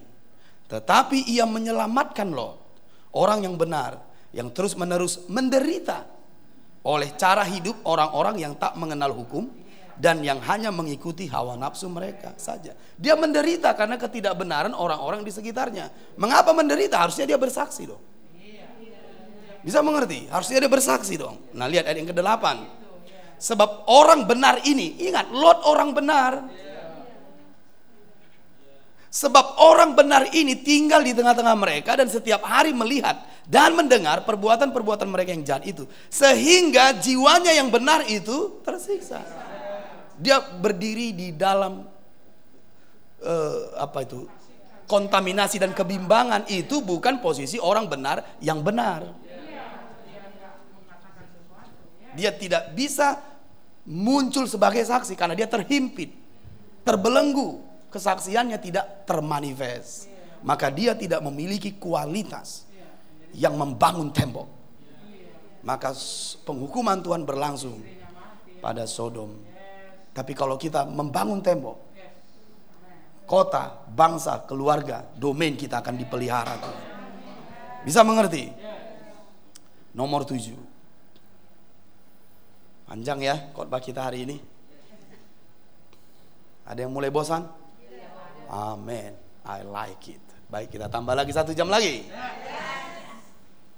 Amin amin. Ini jemaat yang luar biasa. Jemaat yang menerobos. Nomor enam tadi kita akan memiliki kemampuan untuk menjadi seorang yang membangun tembok. Musa menjadi tembok bagi bangsanya, bukankah begitu? Tuhan, kalau kau mau bunuh mereka, lewati aku dulu. Tidak jadi Tuhan bunuh. Lihat Stefanus, Allah sudah berdiri, Yesus sudah berdiri, ingin menghukum mereka, tapi Stefanus berkata, ampuni mereka. Tuhan tidak jadi, justru dia menyelamatkan Saulus. Bukankah ini indah sekali? Baik, yang ketujuh. Yang ketujuh kita diberi kepercayaan untuk membawa Injil Kerajaan Allah. Kita diberi kepercayaan untuk membawa Injil Kerajaan Allah. Jadi, kalau kita menjadi saksi, kita diberi kepercayaan membawa Injil Kerajaan Allah yang mengubah kota-kota. Jadi tidak semua orang, ya tidak semua orang. Tapi mereka yang menjadi saksi, boleh bersaksi. Mereka yang menjadi saksi, diberi kepercayaan. Apa yang diberi? Injil kerajaan Allah. Itu sebabnya dengarkan saya, Injil kerajaan Allah adalah warisan Tuhan bagi. Mengapa? Karena Injil inilah yang mengubah kota-kota. Tidak ada yang lain. Siapa yang kita lihat di sini? Filipus. Pertama ke mana dia? Samaria. Tahu kalian Samaria ini apa? Tempat penyembahan berhala. Tempat pencampuran. Di masa perjanjian lama juga ini menjadi tempat pencampuran. Pada waktu itu Raja Persia mengirim orang-orang buangannya ke Samaria supaya di situ terjadi pencampuran. Sehingga orang-orang Israel menikah dengan orang-orang fasik di situ. Di Samaria itu sampai di perjanjian baru juga seperti itu. Makanya orang Yahudi tidak bergaul dengan dan kita lihat di kisah 8, pemimpin mereka Simon si tukang sihir. Seluruh kota mengikutinya. Dan itu bukan hanya di situ, tapi di perjanjian lama juga. Dan Samaria ini adalah tempat kantor pusat dari Saul di awal. Saul, bisa mengerti? Saul, kemudian siapa? Jerobeam. Bisa mengerti? Eh sorry. Sorry, bukan bukan. Saul, bukankah begitu? Daud di Yerusalem. Daud melahirkan dua orang anak, Rehabeam, Jerobeam. Jerobeam yang ke Samaria melanjutkan tempat Saul. Jadi dari dulu Samaria ini menjadi tempat penyembahan berhala, tempat pencampuran. Dan sampai Filipus ke sana. Simon si tukang sihir menjadi gubernur. Bisa bayangkan kegelapan itu. Tapi hari itu. Tapi saat itu Filipus tiba dengan penuh dengan roh memberitakan Injil kerajaan Allah. Satu kota berbalik. Bahkan Simon si tukang sihir menyembah eh, berbalik dan menyembah Yesus. Apa yang membuatnya? Injil kerajaan Allah. Saya berdoa supaya kita juga melakukan hal yang sama di kota kita, di keluarga kita, di domain kita. Karena engkau membawa Injil ini. Haleluya. Amin. Apa yang berikut setelah di Samaria Filipus ke mana? Dia dia ke mana? Masih ingat minggu yang lalu? Dia pergi ke Gaza dari Yerusalem. Yerusalem ke Gaza melewati Gad. Gad itu tempat Goliat. Goliat yang menentang Tuhan, menentang barisan Allah. Bisa mengerti? Itu sebabnya kalau ada kota yang menentang Tuhan, yang hidup dalam amoral yang luar biasa. Siapa mau di situ? Makanya ini jalan yang sunyi. Lalu Gaza. Gaza itu tempat Simpson dikalahkan. Siapa yang mau tinggal di kota yang penuh kekalahan? Lalu Asdod. Tempat tabut Tuhan dirampas. Namanya pencemaran. Siapa mau tinggal di kota yang tercemar? Tapi Filipus yang penuh roh. Menjadi saksi. Melewati kota-kota ini. Lalu dia sampai di Kaisarea. Apa maksudnya? Pintu ke bangsa-bangsa. Dia berjumpa dengan sida-sida. Dan Afrika mendengar Injil. Ternyata jalan yang sunyi. Bagi Tuhan adalah jalan ke bangsa-bangsa. Kalau kita membawa Injil kerajaan Allah di kotamu, di domainmu, di keluargamu, hal ini akan terjadi. Karena Injil kerajaan Allah yang dibawa seorang saksi beda loh dengan orang yang hanya asal bersaksi. Dan terjadilah itu pada kita. Terjadilah kebangunan rohani, terjadilah kegerakan, terjadilah kelepasan, kebebasan, kesembuhan atas kota kita demi nama Yesus. Jadi mari kita lihat. Menjadi saksiku artinya nomor satu. Oke, okay, baik. Nomor dua. Menjadi saksi artinya nomor tiga. Menjadi saksi artinya nomor empat. Menjadi saksi artinya nomor lima.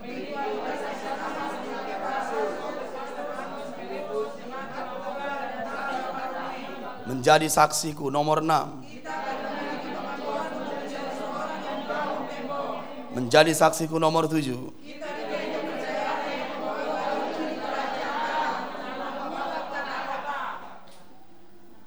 Pertanyaan, bukankah ini hebat sekali? Apa intinya dari yang kita bahas dari awal? Jika Allah bekerja di dalam, jika Allah bekerja di dalam, dan Papa akan memberi dua poin. Setelah itu kita sambung minggu depan bagaimana dia bekerja di dalam. Tulis, bagaimana supaya Roh Kudus bekerja di dalamku. Allah bekerja di dalammu, Roh Kudus bekerja di dalammu. Membuat semua poin-poin tadi. Pertanyaan, bagaimana supaya Roh Kudus yang di dalamku ini bekerja? Ini sangat indah untuk kita ketahui. Karena kita tahu bagaimana. Amin. Baik, nomor satu tulis. Mendengarkan orang yang diutus Tuhan bagi kita dan mempercayainya. Mendengarkan orang yang diutus Tuhan bagi kita dan mempercayainya. Jadi dengarkan orang seperti ini. Percaya orang seperti ini. Roh Kudus di dalammu bekerja. Ayatnya Yohanes 6. Ayatnya Yohanes 6. Ayat 63. Nomor satu tadi, mendengarkan orang yang diutus Tuhan bagi kita dan mempercayainya. Dengarkan mereka, percaya Roh Kudus bekerja. Paham? Lihat Yohanes 6 63 karena ada ayatnya perhatikan. Rohlah yang memberi hidup. Katakan roh rohlah. Ini Roh Kudus, oke? Okay? Rohlah yang memberi hidup. Rohlah yang memberi kuasa. Rohlah yang memberi kesembuhan. Rohlah yang memberi terobosan. Semua ada di situ. Rohlah yang memberi hidup. Daging sama sekali tidak berguna. Perkataan-perkataan yang ku katakan kepadamu adalah roh dan hidup. Jadi waktu kita mendengar perkataan-perkataan itu, Roh Kudus akan memakainya menjadi roh dan hidup. Apa maksudnya itu? Perkataan itu hidup di dalam hatimu. Roh Kudus bekerja di dalam hatimu. Semua perkataan itu menjadi roh dan hidup. Itulah kalau kita percaya. Kau duduk di situ, rohmu menyala-nyala. Kau duduk di situ, Perkataan ini menjadi roh dan hidup. Paham maksud saya? Lihat ayat 64. Tetapi di antaramu ada yang tidak Apa yang terjadi kalau ada di antara kita tidak percaya? Maka perkataan itu menjadi daging sama sekali tidak berguna. Jadi perkataan itu artinya jadi lahiriah. Tidak jadi roh dan hidup. Daging itu fisik lahiriah. Apa maksudnya? Tidak berguna. Kalau mau perkataan-perkataan itu berguna bagimu, percaya. Dengarkan, percaya, dia akan jadi berguna. Sebab roh akan memberi hidup pada perkataan itu. Rohmu akan menyala-nyala, rohmu akan bangkit. Ada amin. Oke baik, nomor dua. Mendengarkan salam dari orang yang memiliki benih ilahi yang sama. Mendengarkan salam dari orang yang memiliki benih ilahi yang sama. Bagaimana supaya roh kudus bekerja di dalamku? Nomor dua, mendengarkan salam dari orang yang memiliki benih ilahi yang sama. Lukas 1. Lukas 1 ayat 39.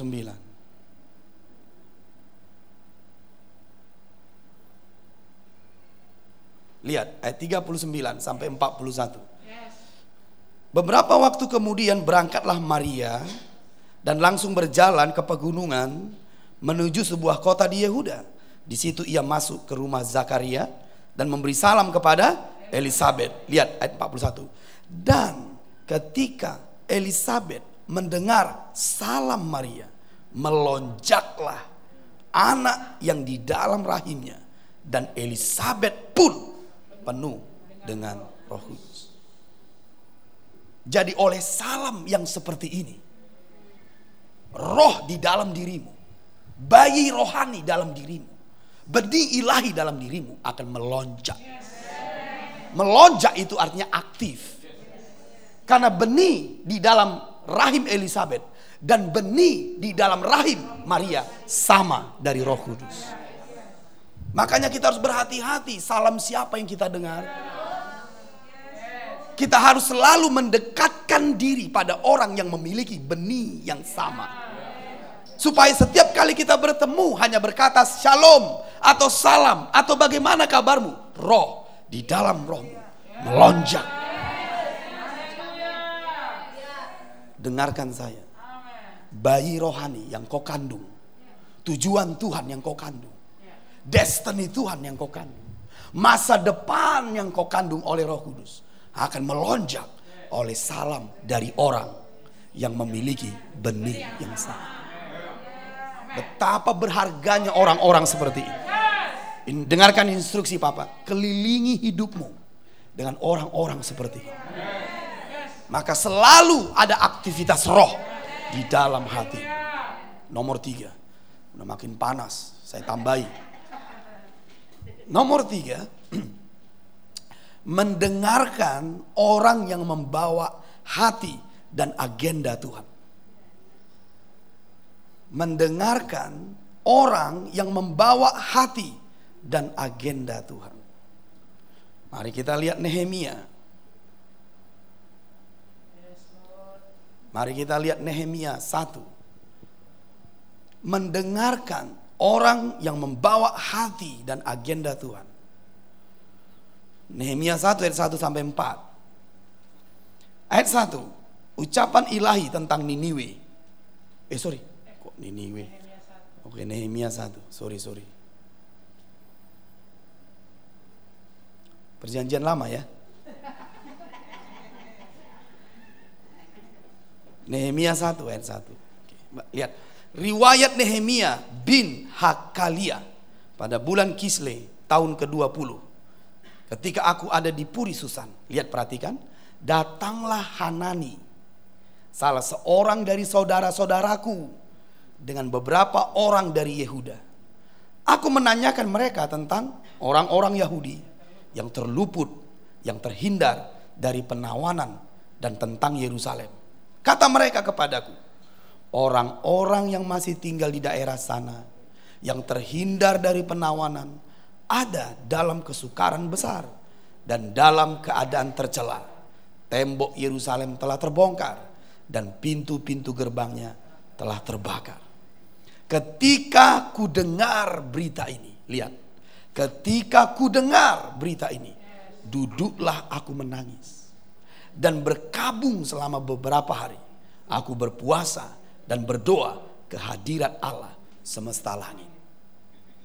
Hatimu akan dibawa ke hati Tuhan pada saat kau mendengar orang-orang seperti ini. temukan orang seperti ini.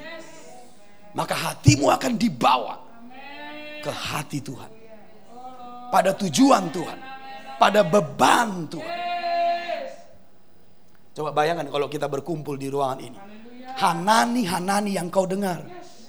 Bagaimana kalau kita berkumpul di ruangan ini? Maria, Maria yang kau dengar. Bagaimana kalau kita berkumpul di ruangan ini? Papamu yang kau dengar. Kita akan pulang tidak sama lagi. Pada saat Hanani kau dengar hatimu dibawa ke Tuhan. Pada saat Maria kau dengar hatimu rohmu melonjak. Pada saat papamu kau dengar perkataan itu menjadi roh dan hidup. Betapa dahsyatnya ibadat itu. Tapi banyak orang bodoh, sorry kalau papa berkata begitu. Dia mengelilingi dirinya dengan orang-orang yang tidak sefrekuensi, tidak memiliki benih dan hidup seperti itu. Kita seperti Lot. Tidak bisa menjadi orang benar karena kita terjepit, terhimpit, tersiksa jiwa. Dan kita harus tahu strategi roh jahat untuk membuatmu tidak produktif. Temukan orang yang diutus Tuhan. Temukan Maria Maria dan temukan Hanani Hanani. Nomor empat. Karena ada 20 ini saudara. Nomor empat. Bersekutu dengan orang-orang yang memiliki frekuensi ilahi yang sama. Berkumpul, sorry, bersekutu dengan orang-orang yang memiliki frekuensi ilahi yang sama. Efesus 5 Efesus 5 ayat 18. Berkumpul, sorry, bersekutu dengan orang-orang yang memiliki frekuensi ilahi yang sama. Ayat 5. Sorry, Efesus 5 ayat 18. Maaf. Efesus 5 ayat 18. Dan janganlah kamu mabuk oleh anggur. Karena anggur menimbulkan apa? Hawa nafsu. Tetapi hendaklah kamu penuh dengan roh. Katakan penuh dengan roh. Oleh apa penuh dengan roh? Ayat 19. Dan berkata-katalah seorang kepada yang lain dalam Mazmur. Kita penuh roh ketika satu dengan yang lain saling bermasmur. Kidung puji-pujian dan nyanyian rohani. Kita saling memuji, menyanyi, nyanyian rohani bersama-sama. Ini memiliki apa? Frekuensi yang sama. Kita akan penuh dengan roh bernyanyi dan bersoraklah bagi Tuhan dengan segenap hati. Kalau kita berkumpul di tengah orang-orang seperti ini yang memuji, menyembah, bersorak-sorai dengan segenap hati, kau akan penuh dengan roh. Satu orang di ruangan ini, kalau kita penuh dengan roh, maka yang satu itu akan penuh dengan roh. Haleluya! Kita harus tahu bagaimana menjadi orang strategik Orang strategik adalah orang yang membiarkan Roh Kudus selalu bekerja aktif. Jadi, mendengarkan orang yang diutus Tuhan, mendengarkan salam dari orang yang memiliki benih ilahi yang sama, mendengarkan orang yang membawa hati dan agenda Tuhan, bersekutu dengan orang-orang yang memiliki frekuensi ilahi yang sama. Bisa dua nomor lagi? Nomor lima. Menjaga kemurnian imanmu dengan menjauhkan diri dari mendengar orang asing. Menjaga kemurnian imanmu dengan menjauhkan diri dari mendengar orang asing. Yohanes 10 ayat 5. Yohanes 10 ayat 5.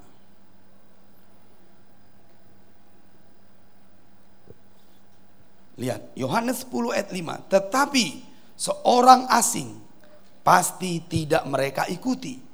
Malah mereka lari daripadanya. Karena suara orang-orang asing tidak mereka kenal.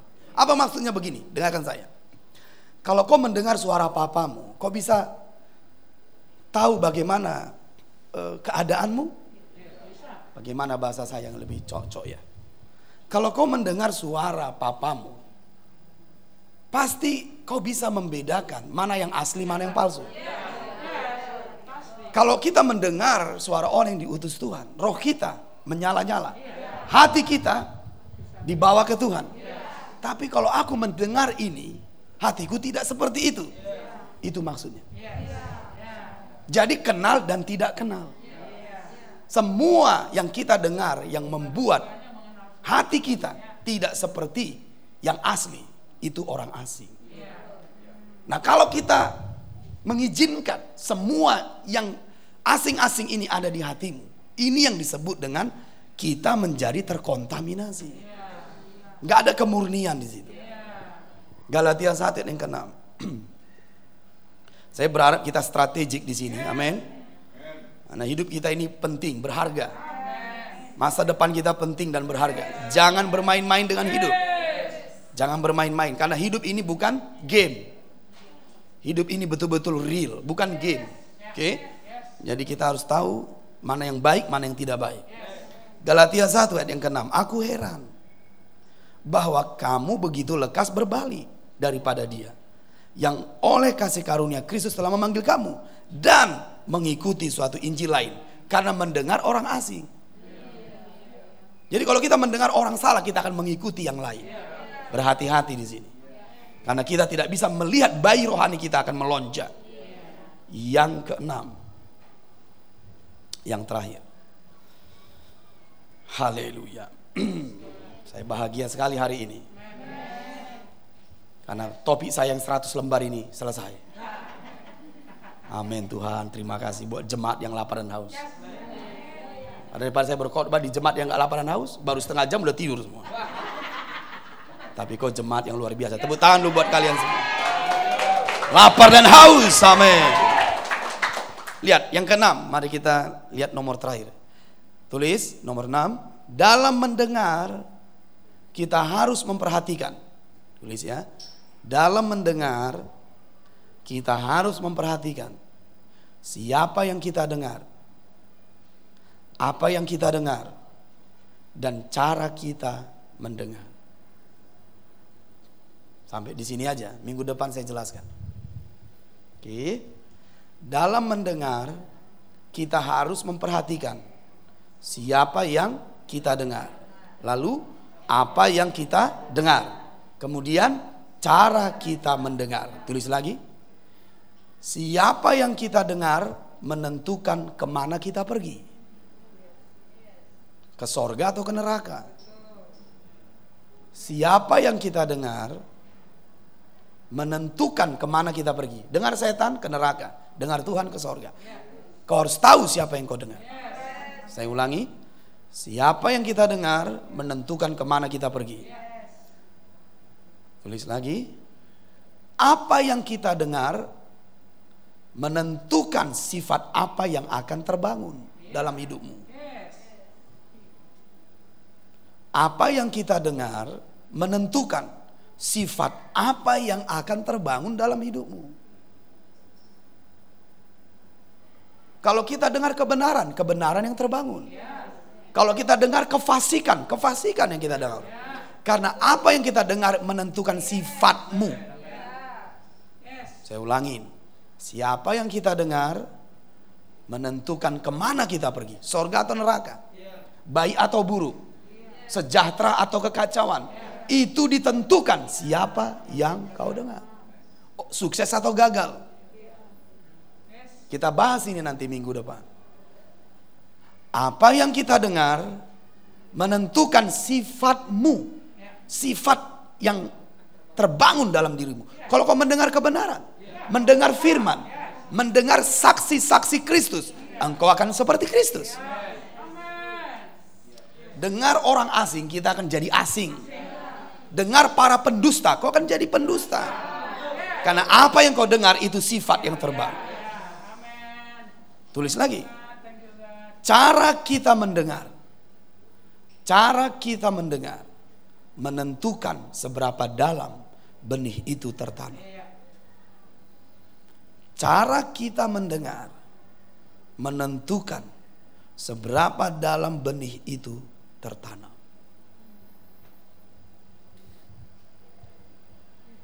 Cara kita mendengar, sikap kita maksudnya, sikap kita, hati, hidup, cara kita mendengar seperti itu menentukan seberapa dalam benih itu tertanam. Jadi dengarkan.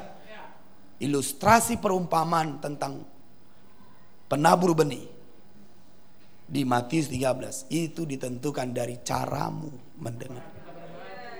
Kalau kita mendengar sambil melirik kanan kiri, benih itu jatuh di pinggir jalan. Kalau kita mendengarkan firman sambil membuka-buka hal-hal yang lain, misalnya ya, itu bisa ditabur di tempat yang tidak di tanah yang subur. Tapi kalau kita mendengar dengan hidup kita, dengan kerinduan, dengan hati yang terbuka, dengan fokus, dengan rasa hormat, benih itu akan ditabur di tanah yang subur. Minggu depan saya akan ajarin itu. Bisa paham? Ada seorang hamba Tuhan yang terhor, yang dihormati oleh banyak pelayan Tuhan yang hidup di masa lalu berkata seperti ini. Sekarang ketika orang-orang percaya masuk ke gereja, tidak ada lagi sikap yang hormat dan penundukan terhadap rumah Tuhan. Karena sebagian besar gereja tidak memiliki lagi hadirat Tuhan. Itu sebabnya kita tidak memiliki sikap yang baik mendengar firman Tuhan. Tapi kalau hadirat Tuhan itu kita akan hormat, tunduk. Begitu kita masuk ke ruangan ini, hati kita, pikiran kita langsung connect ke Tuhan. Karena kita tahu Tuhan ada di sini. Tinggallah di gereja yang begitu. Jangan tinggal di gereja, tapi kita tidak tahu mau ke mana. Hidup ini penting. Hidup ini bukan coba-coba. Hidup ini bukan game seperti di internet. Hidup ini betul-betul real. Sorga atau neraka. Jangan main game dengan hidup. Ini kalau kita datang ke gereja, kita menghormati Tuhan. Hati kita tunduk. Kadang satu tradisi yang baik, yang masih saya ingat, di gereja tradisi dulu. Setiap kali kita pertama masuk ke gereja, kita duduk, kita berdoa, kita menundukkan kepala. Itu karena diajari oleh para pendirinya. Hormatilah Tuhan. Tapi mereka tidak ingat bahwa itu adalah tujuannya. Mereka sekarang pegang tangan, tundukkan kepala dan gak bangkit-bangkit. Karena tidak ada hadirat Tuhan.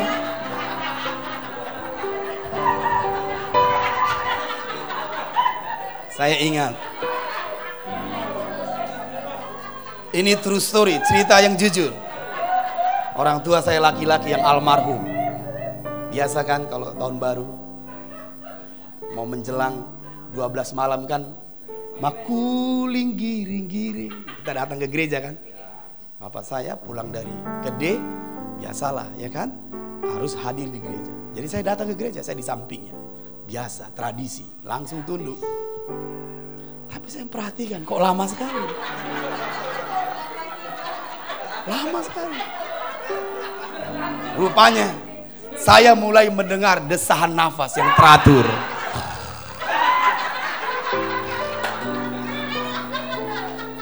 Ini bentuk kehilangan fungsi. Semua diprogram tapi nggak ada kehidupan. Saya rindu kita di ruangan ini. Pada saat kita memasuki rumah itu, hati kita tunduk kita menghormati raja kita. Menghormati Tuhan kita. Maka apa yang terjadi? Setiap firman yang kau dengar. Sikapmu benar. Caramu mendengar benar. Maka benih itu akan ditanam. Dan engkau akan berbuah. 30, 60, dan 100 Beri tepuk tangan buat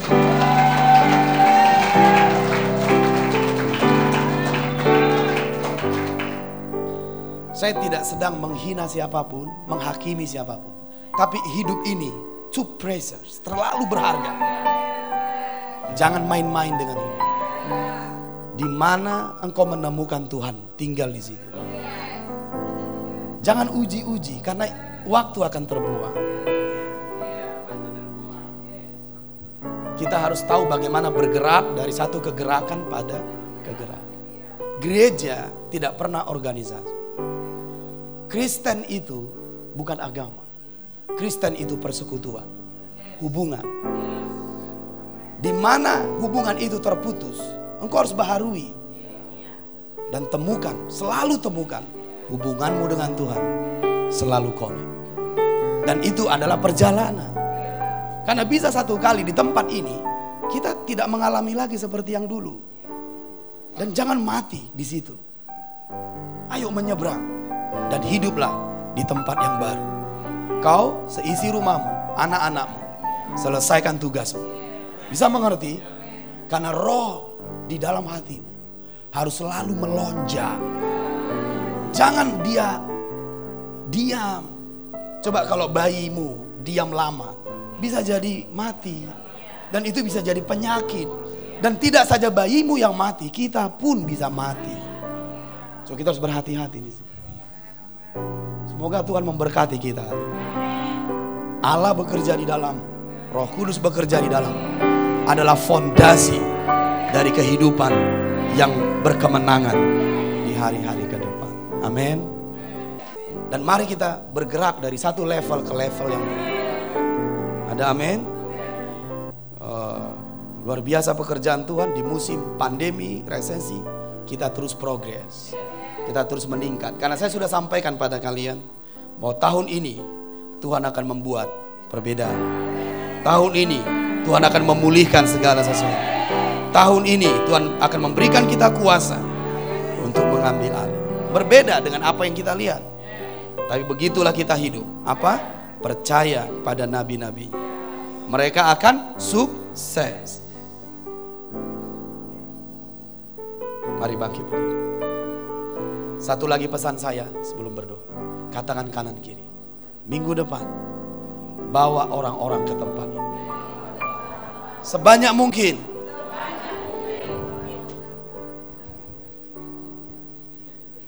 Enggak, yang di situ kurang bergairah. Saya nggak mau selesai. Katanya menjadi saksi harus menyala-nyala dong. Mau bekerja bersama-sama? Mau bekerja bersama Papa? Saya juga mau bekerja denganmu. Yuk kita membangun kota kita, membangun bangsa kita. Kota Medan dan Indonesia akan kita pengaruhi dengan kegerakan yang baru. Katakan amin. Oleh sebab itu katakan dengan keyakinan kanan kiri. Minggu depan bawa orang-orang baru kemari. Haleluya. Amin, amin, amin. Mari angkat tanganmu ke sorga. Haleluya. Rabakada bahande rabakada bahande.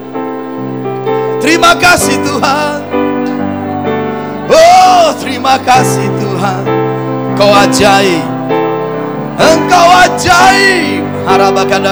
De beda rabakada bahande. Oh, Jesus name.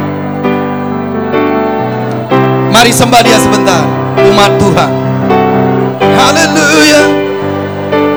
Jesus name. Rabakada bahandi de bere rabakada bahandi de la bandi. Sibida bahandi rabakada bahandi de berente.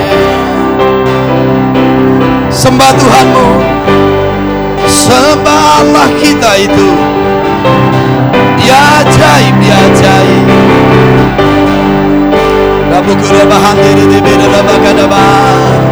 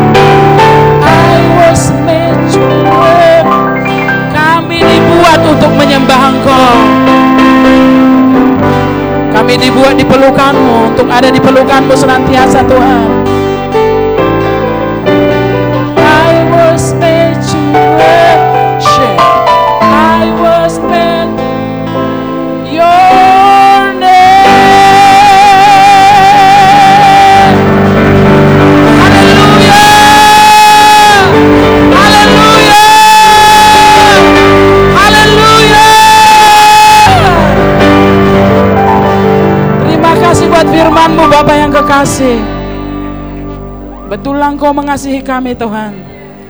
Tidak lagi misteri dalam diri kami. Kami tahu sekarang Tuhan kami menjadi saksi. Dan Engkau mengajari kami lengkap Tuhan. Oh, terpujilah namamu yang kudus. Kami mau katakan Bapak kepadamu pada sore menjelang malam hari ini. Kami mengasihimu. Kami mengasihi rencanamu. Kami mengasihi tujuanmu. Kami mengasihi agendamu. Dan kami mau menggenapkan setiap firman yang kami dengar. Kamilah orang yang menjadi representatif itu. Kamilah orang yang memiliki persekutuan yang intim dengan Engkau. Kamilah semua Tuhan yang kami pelajari hari ini. Bahwa kami menjadi saksi. Kamilah semua yang kami catat itu Tuhan. Bahwa kami akan membawa Injil Kerajaan ini ke mana pun kami pergi. Sembah Kau Bapa yang kekasih. Kami mengasihimu. Kami mencintaimu Bapa. Dan bukan hanya kami mengasihimu, tapi kami mengasihi rencanamu, mengasihi tujuanmu, penggenap bagi setiap firmanmu. Beri kemuliaan kepadanya. Oh, haleluya. Terima kasih Tuhan. Terpujilah Engkau. Dalam nama Yesus, sama-sama kita berkata, Amin. Yes. Silakan duduk.